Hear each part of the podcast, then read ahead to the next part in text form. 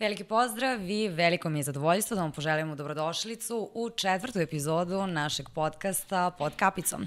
Kao što znate, iz nedelju u nedelju se trudimo da vam dodatno približimo vaterpolom, da vas upoznamo sa glavnim akterima ovog sporta, da otkrijemo kako su gradili svoje karijere, da nam ispričaju neke anegdote, ali i probleme sa kojima su se suočavali, a i dan danas se suočavaju.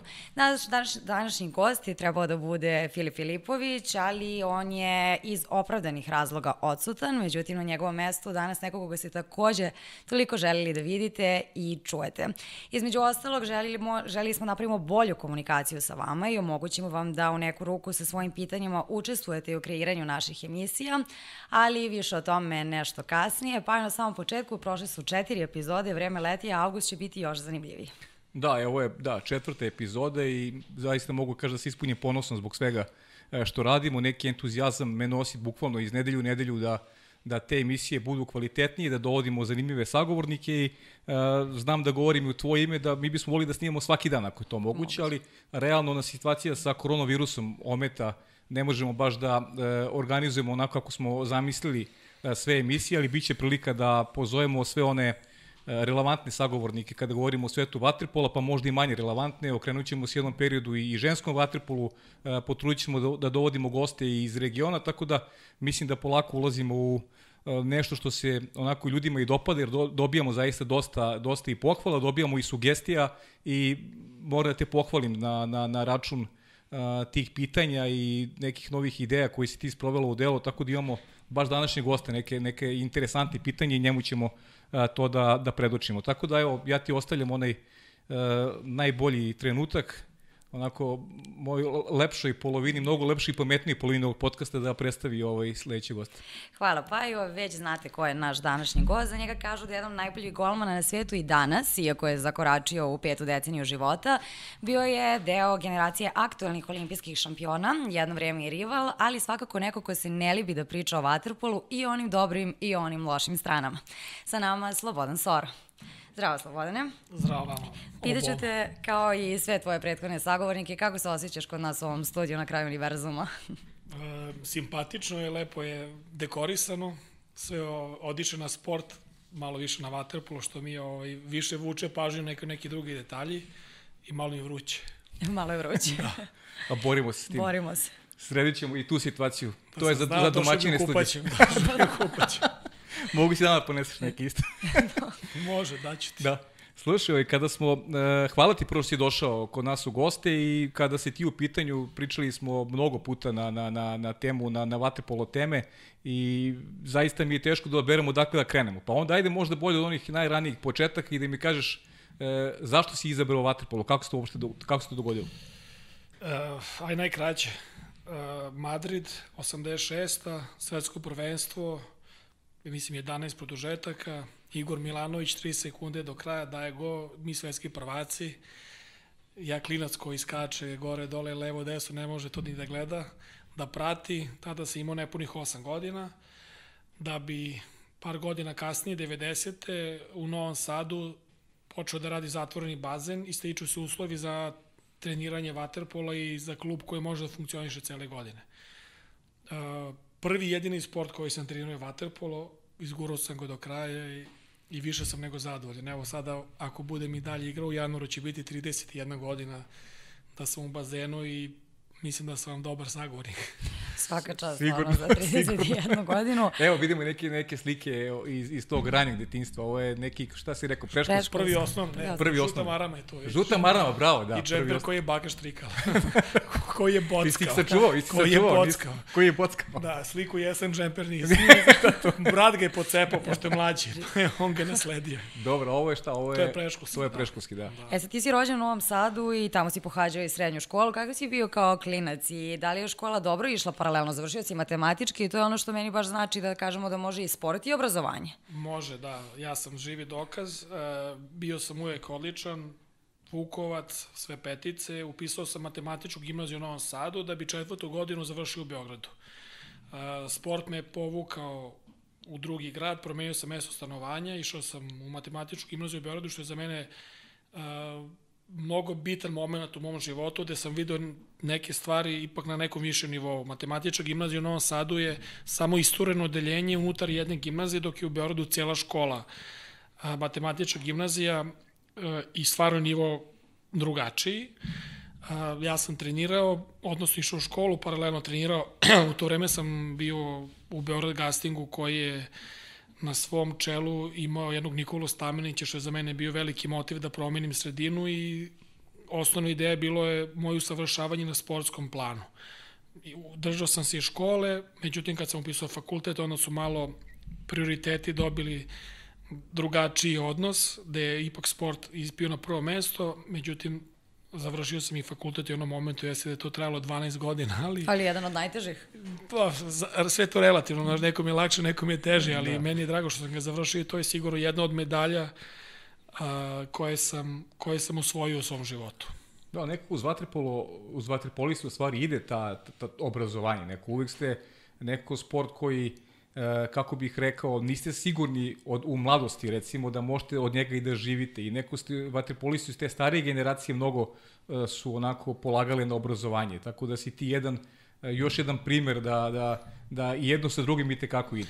Da, drago mi što se uklopam u taj neki, uh, nije, neću kažem stereotip, nego neko mišljenje da. vezano za vaterpoliste. Uh, smatram da ne, moje kolege i starije i mlađe uh, daju tu neku sliku vezano za nas, vezano za način komunikacije, za naše predstavljanje u javnosti i nadam se da će tako da bude u budućnosti. Zadovoljan sam sa svim mojim kolegama i način kako oni prezentuju i naš sport i sebe lično. E, postoji ta priča za stare generacije, ali opet taj neki sport koji je bio, da kažem, 60-ih, 70-ih, 80-ih godine, totalno neka druga stvar, gde su oni preko sporta i trenirali su mnogo manje nego što se trenira danas. U pitanju su bili ono, jedno, trenizi koji su bili jednodnevno ili par puta nedeljno, a došlo se do toga da je sport nešto što je zahteva celodnevno, celodnevno celodnevnu posvećenost e, na svaki mogući način, i vremenski, energetski, e, psihički, stvarno je nešto totalno drugo pitanju. Uklopiti sport i školu je vrlo teško, ja to sad pričam iz svog primera, jer je doza motivacije potrebna za sport i te kako utiče na motivaciju za učenje. Motivacija je jednaka, da li to bio fizički napor ili psihički i ti već kad se negde daš na, na neki određeni način, posle je teško da se uklope dve, tri stvari u isto vreme. Najveći deo ispita ja sam davao u momentima kada si imao pauze. Da, da. dugo nisam bio reprezentaciji, moj, da kažem, pravi debi za reprezentaciju Srbije bio 2006. Da. godine. Ja sam bio de, ali prvi put sam bio na pripremu 96. Ja, pričat ćemo to, da, da to je ali da. meni je recimo taj, ti svi neki periodi preko leta kad imaš pauzu 2-3 meseca su mi bili najvažniji period kad sam mogao da dam najviše ispita. I, i jednostavno iz razloga što možeš da sedneš, možeš da se prebaciš i možeš da se motivišeš, koncentrišeš i da daš ono što je potrebno. Da, da, kad smo, kad smo kod... Ajde, sad malo samo Novi Sad. E, rekao si da je zatvoren bazen napravljen 1990. godine. Ono što, da, 89. 90. Ja sam u da. januaru 90. počeo da treniram. E, da je ono što je interesantno kada pričamo o Novom Sadu. Evo, ti, drago mi je da, da imamo eto, moguće da govorimo i o tome, jer a, malo ljudi onako posvećuje tome pažnju da je Vojvodina Vatrpol klub Vojvodina u dobroj meri okosnica i ove sadašnje reprezentacije i neke ranije reprezentacije, mnogo vas je poniklo u Vojvodini u tom periodu. A, a, a, a to, je, to ćemo nešto Znaš kasnije. da kažeš. To, to, će malo, to ćemo malo kasnije, ali generalno zaista mnogo igrača ima koji su, koji su prošli kroz Vojvodinu. A eto, da. bazen postoji od 90. godine. Koliko je značajna Vojvodina za generalno i za razvoj srpskog vaterpola? Naravno da je važno i svaki centar na bilo koji način je bitan. ne bi ja sad tu kao izvajao da li neki grad, klub ili mi se vratno ćemo negde u toku razgovora doći na tu temu, ali ono što je mnogo bitno je u stvari kvalitet rada. Tamo gde postoji kvalitet rada i gde postoji baza, gde postoji neki kvantitet, odakle može da se vadi kasnije ono sve što je potrebno, je ono što je presudno. Ja uvek se vraćam i često i u nekim ličnim privatnim razgovorima nevezano za, za nastupe u medijima, volim da se vratim na 2000. godinu i naš olimpijsko zlato u odbojci. Uh -huh. A, da kažem, vi novinari, sad malo ću da ja da globalizujem stvari, često voli da se izvaja ta kao neki naš srpski inat, naša genetika, naš pobednički mentalitet i to su neke stvari koje ljudi vole da čuju. Ali u jednom od intervjua posle osvajanja olimpijske zlatne medalje Zoran Gajić, tadašnji selektor naše odbojkaške reprezentacije, je rekao da je suština u kvalitetu rada. rada. I ja to potpisujem, stojim iza toga, evo, prošle 20 godina od te olimpijske medalje i to je sva tajna izrečena. Tamo gde se kvalitetnije radi, gde se radi bolje, gde se radi više, dolazi rezultat i to niko ne može da ospori. Naravno, postoji tu još mnogo stvari, sad ne želim da uprošćavam uh, nešto što je vrlo komplikovano, ali jedna od najba, najvažnijih faktora upravo što sam rekao. Tamo gde se bolje i kvalitetnije radi i vezano uz Novi Sad, uh, ja sam neko ko je bio možda uh, ne, neću kažem greška, ali nešto što se pojavilo nevezano za ceo ambijent u klubu, gde je klub bio na prilično niskim granama u smislu upravo toga, kvaliteta rada sa decom, prvi tim je bio neko koji je uvek bio neka sredina, donji deo, deo uh, tabele, ali onda se pojavio Nenad Vasilovski, čuveni kole. Evo se ti pitam, da. Da, koji je došao u Novi Sad i napravio jedan novi talas iz kog su se pojavili braća Pjetlovići, Ćuk, Vapenski, Vapenski. i sad tu još ima neki klinaca, međutim umeđu vremenu kole je otišao, nije nastavio sa radom i onda je sad negde na nekoj drugoj adresi da radi ono što najbolje zna. Uh, ja s koletom nemam nikakvu dublju konekciju osim zdravo kole kako si, da ne bude sad da ja sa nekom pravim reklamu zato što smo ovaj, prijatelji i nešto slično, on je jednostavno moj sportski poznanik. Da, nisi, nisi jedini koji to govori, tako da, da. pozdrav koletu i sa, i sa ovog mesta. Da. I to je to, ovaj, i to je to što sam teo da kažem. Kvalitet rada od najmanjih dana da bi kasnije došao do nekog nivoa koji je, je poželjan i i na kraju rezultat koji dolazi sam po sebi. I svakako se u Vojvodini dobro radi, pošto je zanimljiva činjenica da maltene deceniju nazad mrežu Srbije brane Novoseđani ili golmani stasali u Vojvodini. Da, be, to, je sad neki, spomenuo, da. da, to je neki trend uh, koji sam ja započeo, pa su ga nastavili uh, Gojko i Bane, kasnije tu bilo još neki momaka koji su kroz neke juniorske selekcije uh, isto se pokazali kao velike nade i nešto što tek treba da dođe. Do Božana. Do Božanu, pa ima ovaj Filipović, da. pa sada da ih ne nabraja sve, ali ipak mislim da smo nas trojica za sad malo više ovaj, Sigur. dostigli neki više nivo i postavili veće standarde. Ja želim da, da ja budem zaboravljen za 20 godina ili za 10 godina, da se priča o nekim drugim uh, golmanima, klincima i to stvarno iz, ono najčišće što mogu da, da kažem. Uopšte ne mislim da je nešto što je bilo, ne treba da bude prevaziđeno i ne postoji ta vrsta razmišljanja. Ipak ima tu nekih uh, oscilacija, uspona i padova, ali ono što je neophodno jeste stabilnost u klubovima, jer sav taj rad koji postoji, utrošena energija, vreme i sve to što ide zajedno sa svim tim stvarima, zahteva dozu stabilnosti. Živimo u nestabilnim vremenima, pogotovo u našoj zemlji, tako je od kad ja znam za sebe, znam malo duže nego vas dvoje, ali i stalno su neke... Misliš? Znam. I ovaj, stalno su te neke stvari s kojima se mi borimo, što su neki uh, spoljni faktori, unutrašnji faktori. Evo sad imamo i ovo priču sa koronom, koju nadam se da će se završiti što pre. Ajde da se ne završi, morat ćemo da se pomerimo da je to nešto što je što je sastavni deo naše svakodnevnice i da eto živimo sa tim. Živimo sa tim, tako je. E, aj sad dolazimo do tog četvrtog razreda na srednje škole kada se ti seliš u Beograd. E, koliko je ta promena uticala na tebe pre svega kada je neki, ajde da kažem, realan život u pitanju, neka promena navika, drugačije okruženje, um, ne znam, znaš, ne, ne, ne, potpuno se razlikuje sigurno Beograd u, u, u odnosu na, na, na život u Novom Sadu.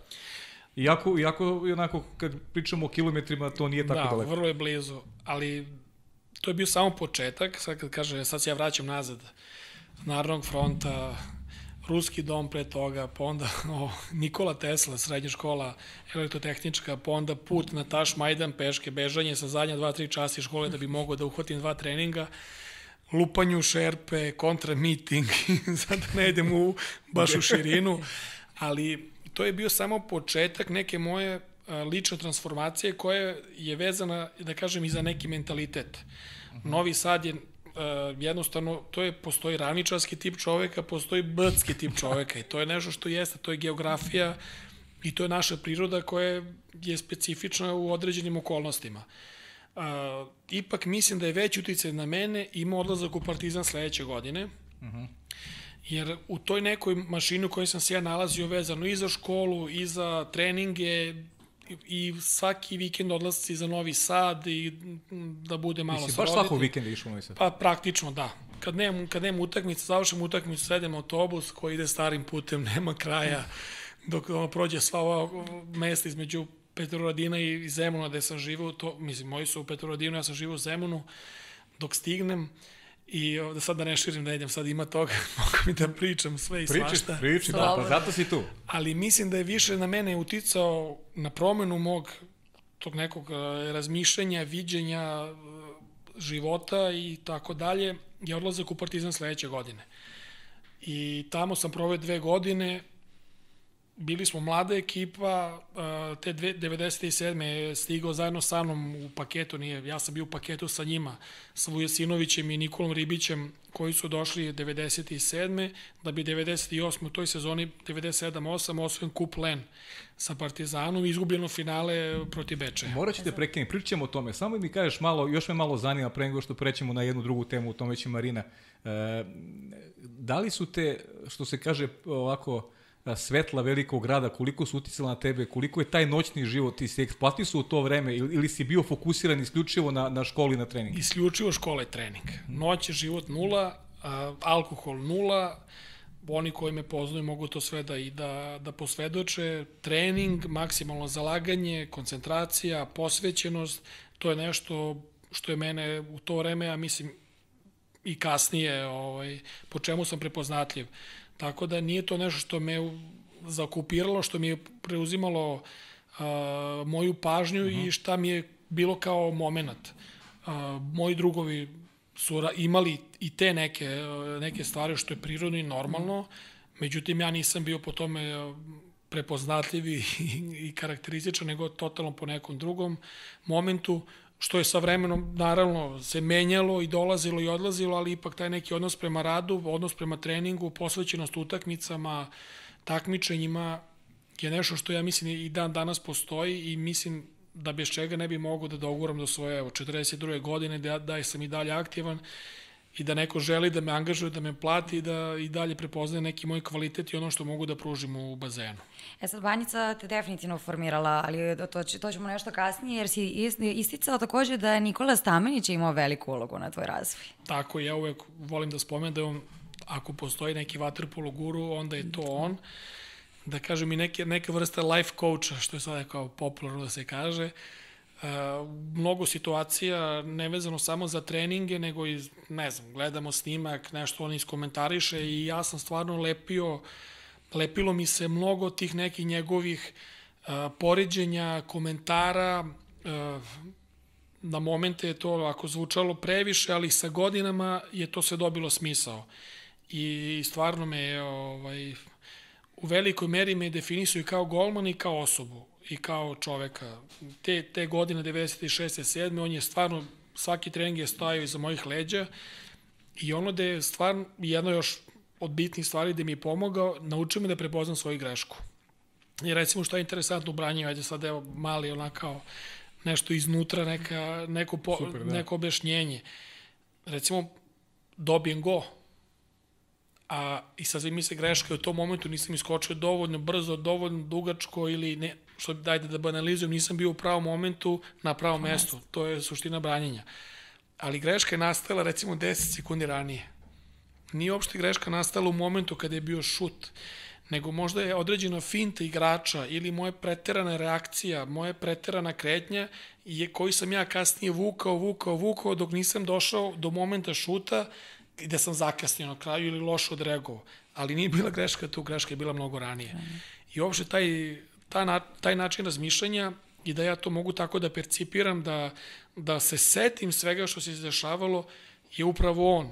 To je njegova zasluga i on me tome naučio. A, dosta golman u momentu kada mi se desi taj, taj propust ili neka greška, ne samo na utakmici na treningu, vole da odreaguju i da to pokažu burno. I ja uvek to govorim ne samo golmanima, nego igračima. Tih pola sekunde ili sekund, kada ti napraviš tu reakciju, je dovoljno da zaboraviš šta se zapravo desilo. i zadrži mirnoću u tom momentu, pokušaj da se setiš u stvari e, tačne situacije, da, da. a kasnije ti reaguj ili kako god smatraš da treba, šta treba da radiš.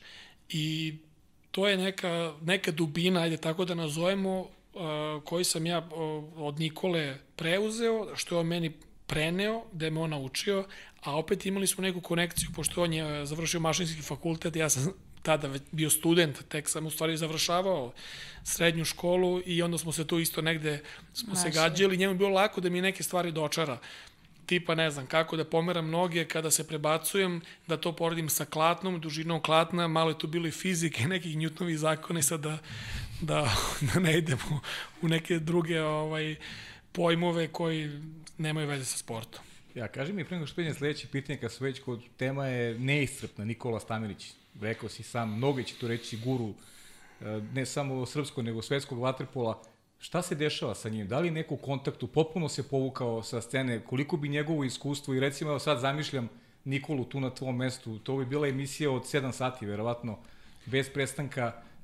Čo, Znaš kako, čo, ja ti, čoveka nema. Ja ti neću dozvoliti da ja sad nešto komentarišem njega, mislim da, da ti on adresa uh, iz velikog poštovanja prema njemu, većim, sa većim delom, delom tog pitanja bi složio i mislim, mislim da je na mestu, da je sasvim ono nešto što ja razmišljam.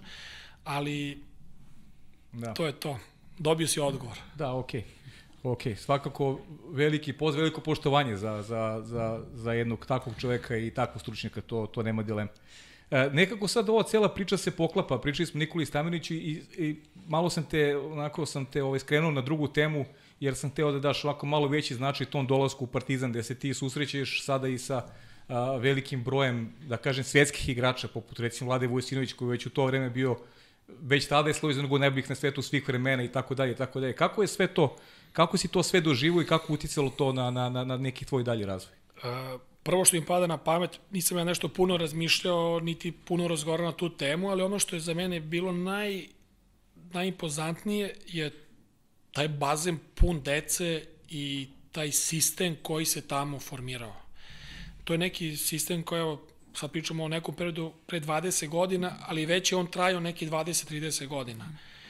I onaj olimpijski bazen, pa iza mali bazen, pa tamo neko pliva, pa tamo neko šutira, pa se onda menjaju, pa stižu neki novi, pa se neko preslače na tribinama, konst, znači konstantna neko, neko dešavanje koje liči da je haotično, u stvari je vrlo organizovano i vrlo smišljeno.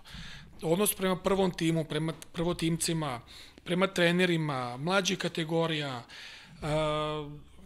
stvarno jedna fabrika, fabrika vaterpola, vaterpola igrača i svega, svega onoga što, što to prati. Način treninga, pristup treningu, uprava, klub, organizacija, sve bilo na nekom nivou koje ja do tada, koje ja do tada nisam video. I imao sam veliku sreću da ponovo budem deo tog kluba od 2008. godine, gde sam provio još nekih sedam sezona i to je nešto što nisam nigde video, niti doživeo. To uvek spominjem i stojim iza toga i smatram da svi oni koji su bili deo te magije sa banjice mogu to isto da, da, da potvrde. Uh, ono gde sam ja napredovao najviše je zahvaljujući to opet vraćam se, sad ja mogu da pričam jer imam dovoljno godina pa mogu sebi da govorim i neke stvari koje možda ranije ne bi izgovorio. Ali to je taj odnos prema radu, pristup treningu, svakom šutu na go, svakom minutu provedenom u teretani, u, u bazenu dok sam plivao, iskakao i šta god već nisam, i, nisam radio. Cela atmosfera je tekako uticala na mene i prihvatio sam vaterpolo na najbolji mogući način i on me, u stvari taj boravak u Partizanu, te dve godine provedene tada, to, to, to me su me vaspitale, a, to je najbolje vaterpolo vaspitanje koje sam dobio i moment je bio pravi. E da, to sam i htjela da kažem, ne formirate banjice samo kao igrača, već kao i čoveka. Tako je. I moment kada sam ja došao, znači taj neki moji, svi ti moji treninzi u Vojvodini, u Beogradu je bila priprema za ono što me sačekalo u Partizanu, gde sam ja od te dve godine sazreo kao mladi sportista. I to je bio stvarno neki pravi fundament, neka baza iz koje sam kasnije crpio sve ono što sam, što sam napravio. I trudio sam se da u svakoj sredini, u svakom klubu gde sam bio, da pokušam uh, da im prenesem deo toga što sam ja pokupio na banjici. Da li imao manje ili više godina, nije ni bitno, ali A, to, je, to je ono što sam ja prihvatio kao pravu stvar, pravu stvar i što sam pokušavao kasnije da prenesem i drugima, da li bili mlađi ili stariji od mene, ne, nije ni bitno, ali to je bio moj nastup i to je bio moj stav vezano za sport, za život i za vaterpolo. Ja da, jasno. E, da malo aktualizujemo. Pa moramo da aktualizujemo, da, moramo, s obzirom da smo kod Partizani, bit ćemo ponovo, pričat ćemo tih 7 godina kasnije i proćemo nede kroz uh, celu tvoju karijeru i kada je klubski vaterpol u pitanju, kada je reprezentacija, ali moramo da se dotaknemo aktualne teme i to je ono što govorimo i to je poruka i našim gledalcima koji uh, ima nekih poruka koje traže da budemo, da isključivo pričamo priče vaše, da, da manje aktualizujemo, ali ne možemo da, da se ne bavimo aktualnim temama, jer to su one goruće teme koje e, vaterpolo trenutno onako baš, e, kako bih rekao, e, vaterpolo nema neku adekvatnu ulogu u javnosti. Klubski vaterpolo pogotovo onako na vrlo niskim granama i moramo, i redovno ćemo pričati o tome sa svim našim gostima, e, ti si popisnik ove peticije koje traže Partizanu vanredne mere. Znamo da je Skupština odložena, nekako se opet termin za Partizan ne poklapa kako treba, neverovatno kako stvari se ne odvijaju u nekom, nekom, e, e, nekom željenom planu. Uh, traži se promene rukovodeće strukture Partizana i sad, ajde, koliko možemo da uprostimo, kako je moguće da jedan takav gigant došao do, došao do, do, do, do toga da je maltene pred gašenjem? I postoji uopšte neko realno objašnjenje za tako nešto? Teška priča, teška pa, tema. Teška tema, ali znam da, da si ti spreman da o njoj govoriš. Da, jesam. Faktor ima milijardu. Mislim, mi sad možemo krenemo da, da raspetljamo taj čvor koji se napravio, uh, taj Gordije čvor koji trenutno za koji trenutno mnogi ne vide rešenje. Da li u pitanju dug, da li u pitanju uh, situacija sa banjicom, da li u pitanju igrački kadar, da li u pitanju baza koja više ne postoje, znači sve je došlo do kraja. Uh, ja pratim stanje u Partizanu već duže vreme, odnosno pratim ga i kad sam bio tamo i kada nisam bio tamo, jer je to je stvarno moja vaterpolo kuća koju tako doživljam, jer ja sam od tih 30 godina igranja vaterpola, 25 godina profesionalac, od toga sam 9 godina provao na banjici. I ono što vidim u poslednjih par godina mi se nikako ne dopada. Ne, ne dopada mi se odnosi, ne dopada mi se atmosfera na bazenu, rezultati manje više. Ja s tim mogu, da, mogu da ih prihvatim ili ne, ali oni su jednostavno odraz onoga što se dešava direktno tamo. U krajnjem slučaju stati prvog tima ne moraju uvek da budu idealni. Naravno, nisu bili, u, u Partizan je. jeste uvek gađao najviše rezultate i, i najviša postolja, međutim i kada to nije bio slučaj, uopšte nije bilo tako problematično, jer se je znalo da ono baza postoji, da će rezultat doći vremenom. Uopšte nije bilo uvek mi trčimo, mi moramo, mi ćemo, ne, ne, ne, nego radi se, dolazi nova generacija, dolaze novi klinci, bit će nekad bolje, nekad lošije, ali ono što, je, što se izgubilo i upravo o čemu sada pričam. Ali sad klinaca ni nema. Tako je. Nema klinaca, nema trenera, izgubila se atmosfera. A, evo sad ću podeliti ću samo jedan moment koji mi se desio pre dva meseca. Bazen je ponovo počeo da radi, ja sam ajde da skočim u vodu, dosetim da sredinu i tako dalje. I ranije uvek kad se pojem na banjicu, ono što sam uvek volao da naglasim, ja od parkinga, kad se, kad se parkiram pa do slačionice, pa do bazena, čujem između 15 i 20 puta dobar dan ili dobro veče, šta je, koje već je doba dana. I mislim da se skupljaju neki klinci koji treba da imaju trening sa prvim timom, to je neko vreme, u 7 uveče, kada je obično termin rezervisan za, naj, za prvu ekipu. I tamo njih trojica četvorica koje ja ne poznajem i ne moram da ih poznajem, njih je tamo stvarno puno i ja prolazim pored njih i niko od njih mi ne kaže ništa. I to je za mene onako baš bio loš signal. Ne zato što sam pitanju ja, da, da, jasno, nego to je neko da. pitanje odnosa. Uh, smatram da oni vrlo dobro znaju ko sam, moje slike tamo stoji dalje na banjici i u kancelariji i po tribinama i onda mi je to ovako prvi put da sam osetio, ali ovde stvarno nešto ne valja. Mislim, ja sam to video i ranije, ali ovo je bilo prvi put, e, sad je stvarno kraj. I koliko je realno da se stanje sada promeni? Negde si izjavio da je klub klinički mrtav. Jeste, da. To je nešto, eto, ispala je neka, nešto što je izletelo iz mene, ali trenutno ja s tim ovaj, se slažem u potpunosti i moje mišljenje sa pravim, pravom organizacijom, sa nekom strukturom i u organizaciji i na bazenu što se tiče struke. Ja mislim da to nije izgubljena priča.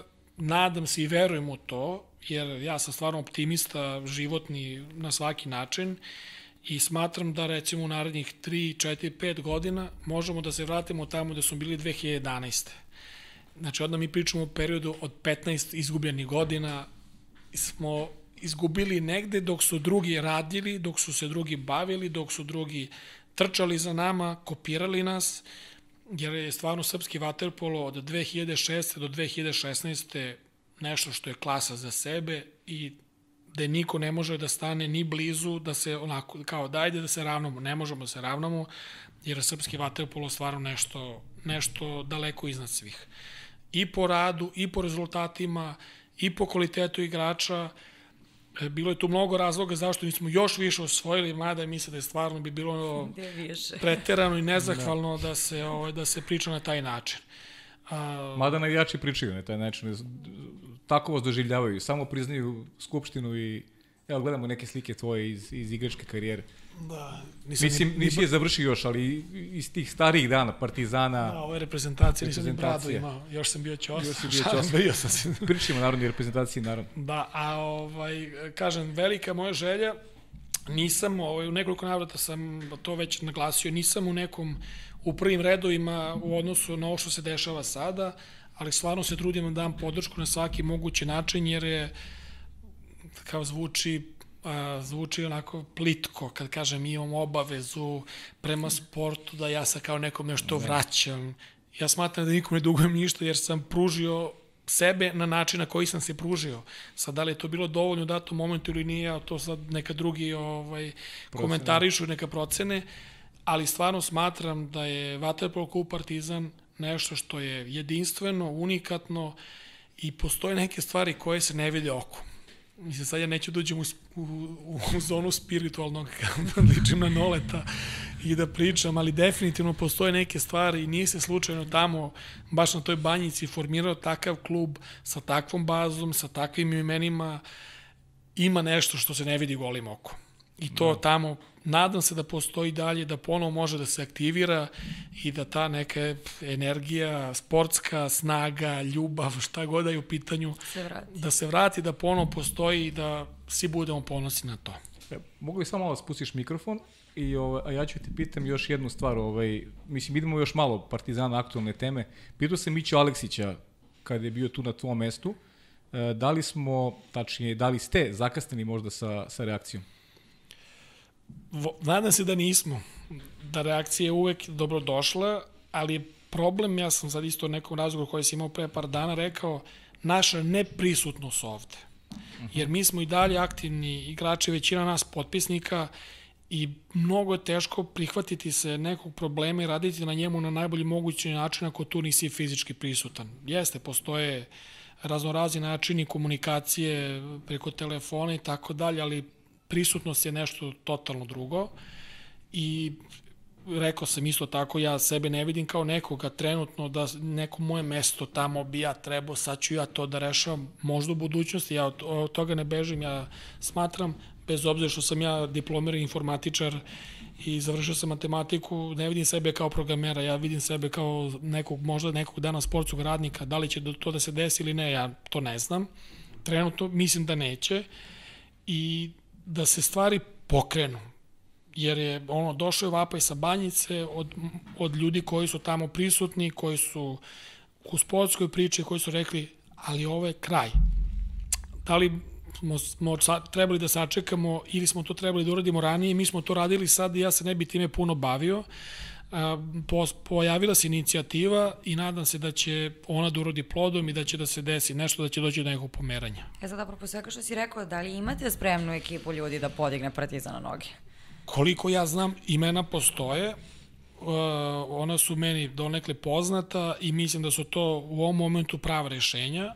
Uh, treba da se napravi reset, treba da se skloni sve, da se svi ti ljudi koji su do sada bili tamo da se promene, jer su se pokazali kao nedovoljno sposobni da omoguće klubu da normalno živi i funkcioniše. Kada je svakih e, dve nedelje voda ispod 23 ili 24 stepena, kada pukne tamo neka cev, pa se onda e, momci, ne, ne pričam samo o prvom timu, nego pričam o celoj vaterpolo školi, moraju da se seljakaju, da se traže drugi bazeni gde je malo toplija voda da može da se trenira, inače hladna voda je naš e, srpski ono, Trend. tre, uh, trademark, nismo to izmislili, Da, da, ja da. ne znam, igrao sam u pet zemalja gde meni ledena voda me je sa, samo i ovde kod nas i taj način ovaj, treniranje je nama specifično, a može to naša tajna, ko zna. Možda, možda brže plivate zbog Da, hladne vode. brže plivamo i, i ovaj, bubrezi nam brže rade Da, da. Nego inače. A, kažem, nadam se da će doći do promene, jer da li bila jedna uprava, druga, treća, sad tu ima nekih e, e, rasprava, ko je prava uprava, ko nije, ma ne, ljudi, sklonite se svi. Ajde, ajde, pa ajmo sve i lepo, da se svi lepo sklonite. I, I prava i neprava. I ne, pravo, ne treba više, ajde, pustite nekog drugoga. A, I mislim da smo mi, koji smo se, eto, potpisali u, u tom saopštenju, a ima nas mnogo, mnogo više a, koji imamo isti stav, isto, isto viđenje na ovu situaciju koja je trenutna. A, ne znam stvarno šta je njima toliko tamo su se zakačili, šta je njima u životima menja i tako dalje, ne znam, dajde da vidimo, bitan je klub, bitan je sport, jer stvarno pitanje opstanka i jedne i druge stvari. Postoje, verovatno ćeš mi pitati posle, neki drugi centri u ovoj našoj zemlji, Pitaću te, naravno. da, ali mislim da je Partizan to što jeste, nisam uh, klubski ostrašćen, niti sad ja to navijam za boju, ovo, ono, veruj mi, verujte mi da bi da je u pitanju, ne znam, da sad ja neću da bilo koji klub To je suština. To je suština. To je Suština suština, da se je- spasi sport. sport da se A, spa, a spasavaš ga tako što spasavaš klubove. A svi I onako ih svesni, nema mnogo. I onako a ih nema mnogo. Svi smo svesni posle Tokija, daj Bože da se Tokio dogodi, zato što želim to najviše zbog Waterpola i još ove generacije koji dalje je sposobna da, za medalju, što je prvi cilj na svakim olimpijskim igrama, a onda ona što sjajnija.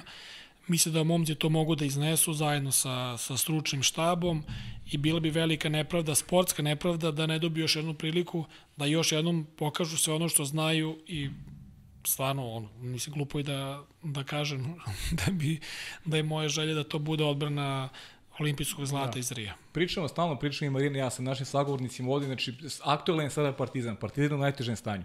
Ne do bog sutra da bude neko drugi klubo, imamo, imamo sad i dobre centre, i Kragova, Šabac koji, se, koji su napravili nešto, neki iskorak su napravili u odnosu na, na nešto što se dešavalo ranije godina, da ta dva grada imaju i bazu nekih svojih igrača, što je jako bitno, a Niš koji tu i tamo pojavljuje se pa nestaje sa scene Vojvodina koje je bilo super da se vrati tu neko vreme kada je, kada je bilo u epicentru zbivanja. Uh, tu je Crvena zvezda takođe isto ne do bog da se desi nešto sa zvezdom, nešto loše, isto bi pravili emisije ovog tipa jer ideja je da se sačuva, da sačuva jezgro. Samo dobri klubovi, dobra baza može da napravi i reprezentaciju neko dogledno vreme da bude uspešna, kao što je bilo do sada. Ajde još, samo ću još malo da budem malo konkretniji. Ajde. Gde je bila snaga Partizana? Bila. Nažalost, nije više. Nije ni to ni bilo u bazi od 200, 300, 500 klinaca. Nije to ni bilo u rezultatima sedam puta prvaci Evrope i tako dalje i tako dalje. Snaga Partizana je bila klinac od 17 ili 18 godina ušao u prvi tim i posle 5 godina izašao je šampion. E, to je bio Partizan. Znanje kako od jednog talentovanog klinca do, koji je došao do prekretnice napraviš reprezentativca i šampiona. E, to je bio Partizan. Da neki klinac koji u tih 3-5 godina dobije 10-15 mišića, 10-15 kg mišića, uh, odigra 200 utakmica na nož i u tih 200 utakmica da drži konstantnost. Jer to je ono što se preslikalo iz Partizana u reprezentaciju. Da smo mi znali kako uvek da odigramo ono što je baza, a onda smo nadograđivali. I mi smo poznati po tome da na, protiv nas ne može neko ko je loši 20 ili 30% ili 50% da traži svoju šansu. Oni nikada nisu vidjeli. A kad dođe neko ko je tu ono, da smo Neki egal, da. egal, to može i, ovako i onako. Ali uvek smo mi znali šta ćemo da pružimo i bez neke oscilacije. Dobiti ekipu koja je loše od tebe 10%, od 20 puta da dobiješ 19, e to je za mene klasa, e to je za mene pravi kvalitet. To je imao Partizan, to i dan danas ima reprezentacije Srbije i nema puno niti klubova, niti reprezentacije koje mogu time da se pohvale. Da. Ja, Ajmo, aj, samo, samo još jedno pitanje, izvini Marina. E, Skupština je pomerena, samo da imamo šta su sledeći koraci. Ili znaš šta, šta su vam sledeći koraci dok čekate? Ili ima neki, neki plan, ima neka, neka, neki datum ili, ili sve zavisi od ove, o, o situacije s koronavirusom? Mislim da je trenutno jedini plan da se izgubi ma- što manje vremena. I vreme Da. da. teče, sezona je već uh, izgubljeno je puno toga u pripremi za sledeću sezonu, uh -huh. ali ja stvarno ono što čega se najviše pribojim i što ne bih želeo da se dogodi, da se uđe u novu sezonu, a da se ona definiše. Da, jasno. znači, nova sezona počinje već mart, april, kad mnogi klubovi već pripremaju uh, planove, ciljeve, budžete. Ti znaš da je u Mađarskoj u januaru se rade već transferi, ljudi dogovaraju, potpisuju za sledeću sezonu, da li menjaju sredinu ili ne, ali evo, Partizan nije ništa, ja mislim, uradio po tom pitanju ili koliko mi je poznato, čak što je više još gore od toga, Da, video sam, klinci, video sam. video sam ovaj, gostovao sam na, na RTS-u pre dva ili tri dana i video sam jedan uh, uh, razgovor sa Tatjanom Rakas, Tanja Rakas kako se zove, ona koja smatra da je ona trenutno direktor i da je kluba i da je ona ta koja je ovaj, uh, pravi direktor ili da. pravi predsednik kluba, kad, kad kaže momcima je istekao ugovor i oni nisu potpisali novi i samim tim ne mogu da treniraju na banjici. to je toliko jedno dubinsko nepoznavanje i nepoštovanje Partizana i Vatreba kluba Partizan, koji je upravo sve kontra od toga. Ja, od kad sam otišao u Partizan, svaki dan mogu dođem na tu banjicu, da mi se otvore vrata, da mi se da slačionica i da mi se nađe mesto u bazenu. Ne samo meni, nego bilo kom momku Koji su prošli kroz koji su prošli, da li kroz školu, da li kroz prvi tim, da li kroz bilo koju selekciju, uvek je banjica bila otvorena za svakoga ko je bio deo te banjice. Evo ti još jedan moment šta je taj klub. On je bazen, on je teretana, otvoreni, zatvoreni, sauna, šta god je bilo, uvek je bilo na raspolaganju svakome ko je ikada imao vezu sa tim klubom. Nikada nije nikome to naplaćivano, zabranjivano, e, dođi, izvoli, posluži se, tvoje je, naše je, zajedničko je. A evo sad se tu kao, oni nisu potpisali, pa ne može, pa oni, onda su zato, oni su na košutnjaku, sa, sa korolijom treniraju, nalaze načine kako da zadrže neku, neku dozu forme ili da pokušaju da napreduju jer su u pitanju mlade, mlada i, Da. mladi igrači, sve je naopako. I mi to, eto, ova trenutna situacija u kojoj se nalazimo vezano za ovaj za ovu ne znam, pandemiju, virus, COVID, eh, situacije koje se menja iz dana u dan, popravlja se, pogoršava se, pogoršava se, popravlja se, ne, i to ne samo ne kod nas, nego u celom svetu. Uh, želo bi, eto, bar za početak da se napravi taj reset, da se dovedu drugi ljudi i da se kaže, ok, idemo dalje, problema ima milion, da ih rešamo malo po malo, ali klub mora da nas ide živi, jer stvarno, ako ovo kako jeste, ostane, ja mislim da je definitivno Katanac. katanac. Da. E sad nisi se li bio ni ranije da govoriš problemima u srpskom vaterpolu i o stanju u klubovima, Partizan je pored gašenjem, ali nije situacija ni u drugim sredinama ništa bolje i to je sjajna uvertira da se nadovežemo na Ligu šampiona. Pa da, da, pa dobro, da, Liga šampiona neće opet biti srpskih klubova. Kada pričamo o lošoj situaciji, Partizan i Zvezda su dva posljednja učesnika Lige šampiona. E, imali su skoro sve porazi. Znači, Da. da. bukvalno jedan nerešen rezultat. To je onako, opet pokazuje da je generalno situacija u klubskom vaterpolu, srpskom klubskom vaterpolu jako loša.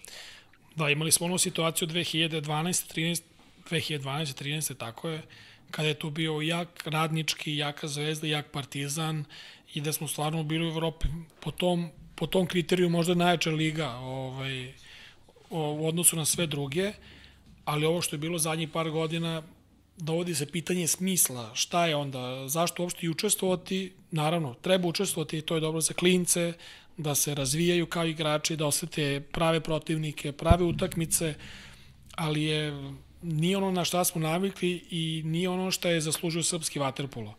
A, imali smo ranije po 3, 4, 5 ekipa koje su igrali u evropskim takmičenjima i bili tekako ove, zapažene, zapažene sa velikim ambicijama i rezultatima. Ovo kako je sada bilo, ja sam ono pratio iz daleka koliko sam mogao i ne liči ni na šta. Ajde. tako da kažem. Ono rezultati kakvi su su adekvatni onome kako jeste. Nije to bilo ništa niti bolje niti loše nego taj rezultat i nula, nula bodova i nula pobeda je ono kako je, kako je realno. Može da se promeni, ali veliki rad, veliki, veliki napor, dugačak put da bi, da bi došlo tako nečega. Moguće je, ali stvarno trebaju stvari da se, da se menjaju, mora da se pokrene cela ta mašinerija koja postoji, koja je stvari koja je postojala, a što najvažnije postoje ljudi koji to mogu da da ovaj da obnove i da to bude kao što je bilo nekada.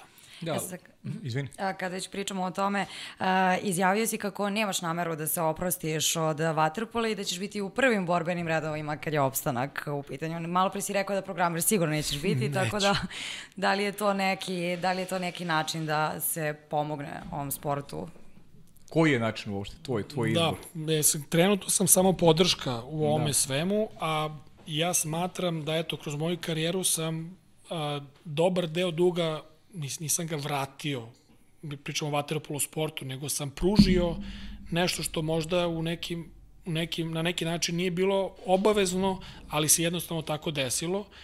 Između ostalog, moj, o, moja brazilska priča koja i dalje postoji je jedna od tih stvari gde smatram da sam svojim odlaskom u Brazil uh, imao moment da dam nešto više vaterpolu kao sportu. Ne pričam sad niti o srpskom, niti o banjici, niti m, Vojvodini, nego uopšte svetski vaterpolo je sa, sa tim Uh, mislim da je dobio nešto sa nastupom Brazila na olimpijskim igrama, tom nekom popularnošću koja se desila.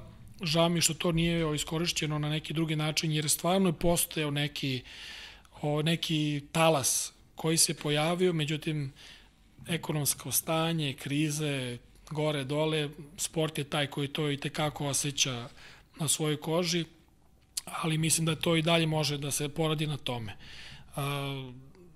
I neko moje razmišljanje generalno životno, uvek se mi, mi, ajde, da li smo mi to Srbi ili ljudi ili kako god, uvek volimo te neke velike stvari, revolucije, promene, sad ćemo mi sad ali mislim da se ipak nekim svojim primerom u, u mikrookruženju može mnogo više se uradi.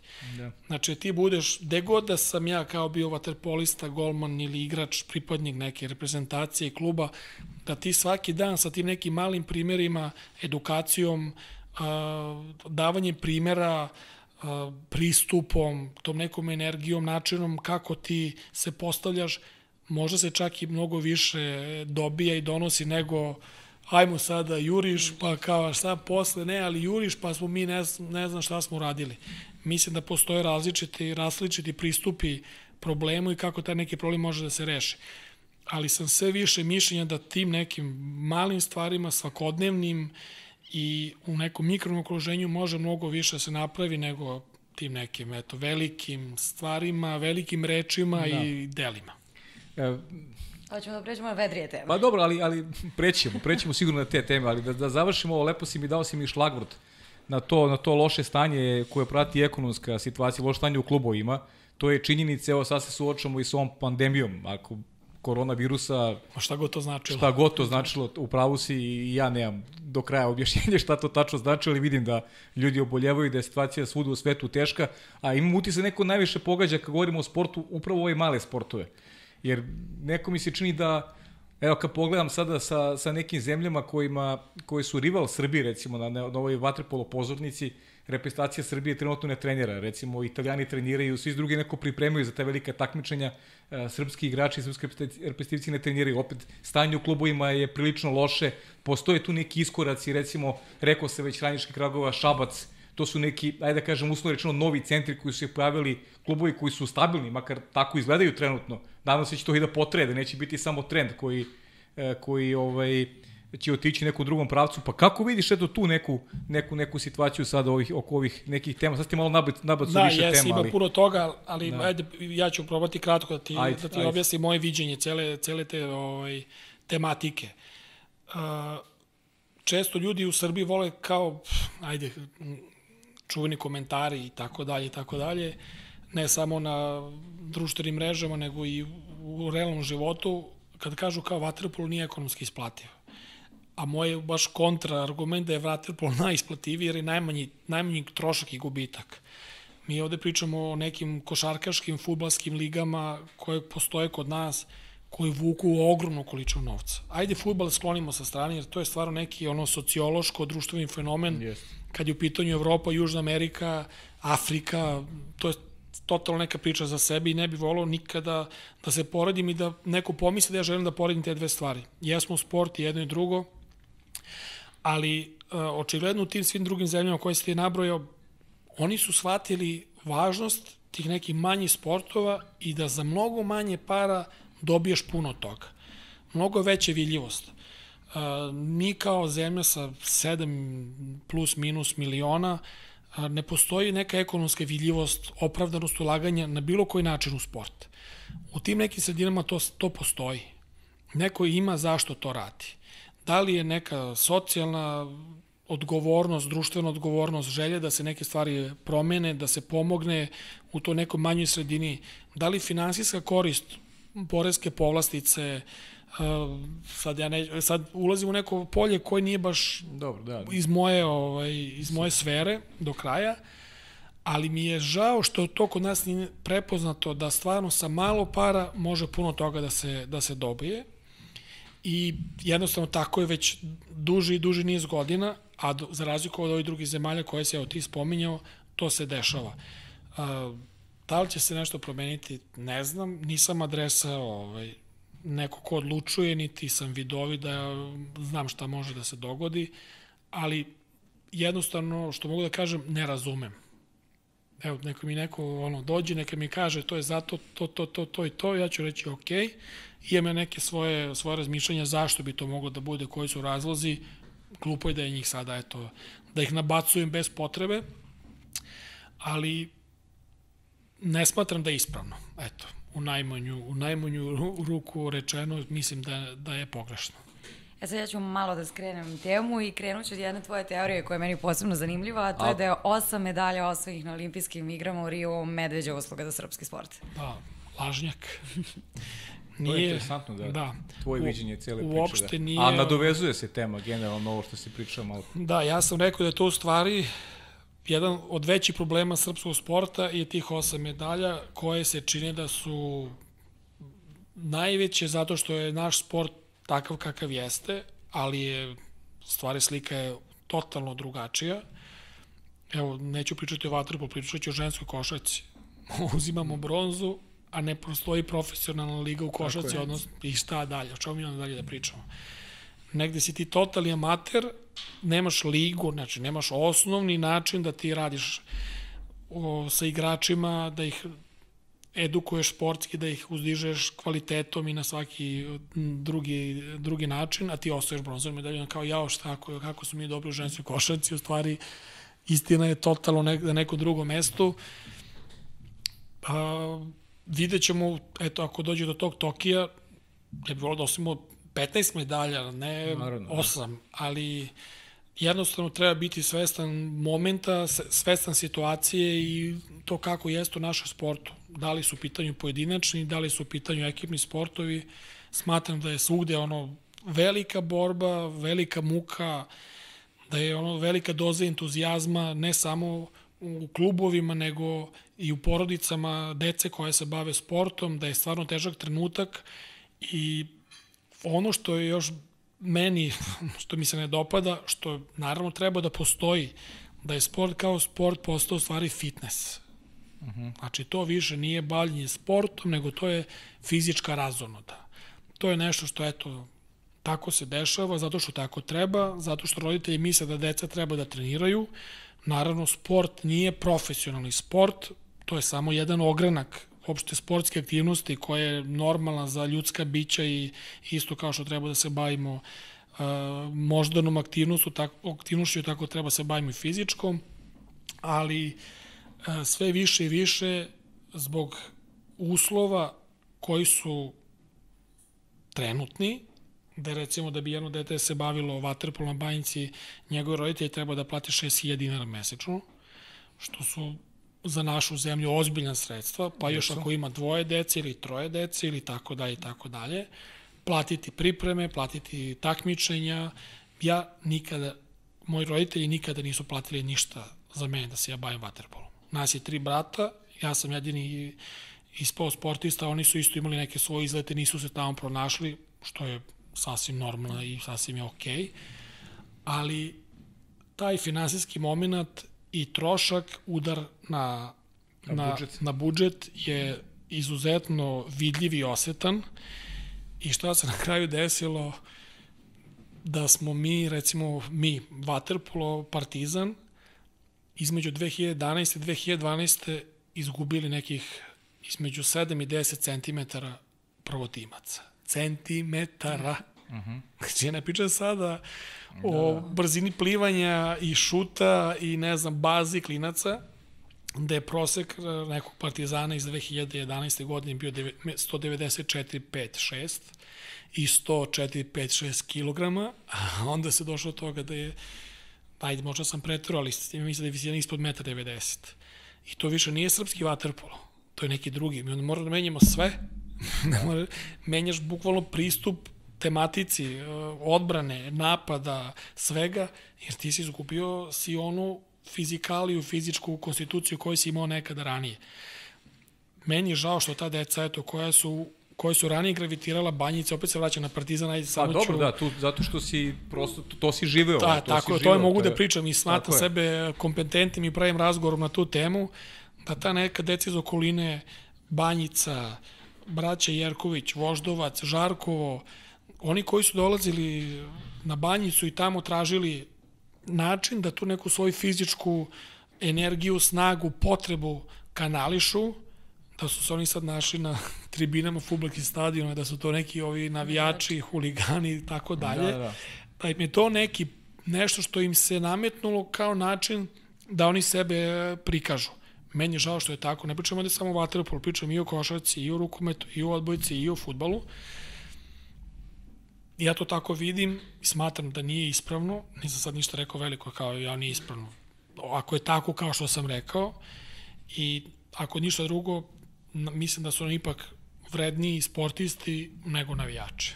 Da, da. E, ajde, uskoro ćemo ponovo da se da se bavimo tvojom karijerom i on, onim prelaskom u Beči.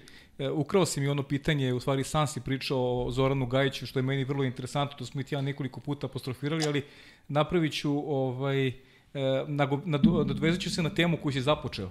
E, sve više dece sada koja, e, poput recimo veslanja, deca koji treniraju veslanje, razmišljaju o tome da, da im vaterpolo posluži za odlazak na studiju, studiju Sjedinje države. Ranije momci koji se bavili vaterpolom su želi da se bave sportom i mogli su lepo da žive i da kažem ti igrači srednje vrednosti koji su bili okosnica klubova pa su mogli lepo i da zarađuju od vaterpola taj neki raniji period. Sada deca gledaju malo drugačije, imaju kroz vaterpolo priliku da, da odu na, na, na, studije. Tako da je tu velika grupa igrača već godinama unazad odlazi u Sjedinjene države i nekako uh, nisu više noku selektorima represivnih, uh, da kažem, selekcija, već idu nekim svojim životnim putevima uh, preko, preko tih studija.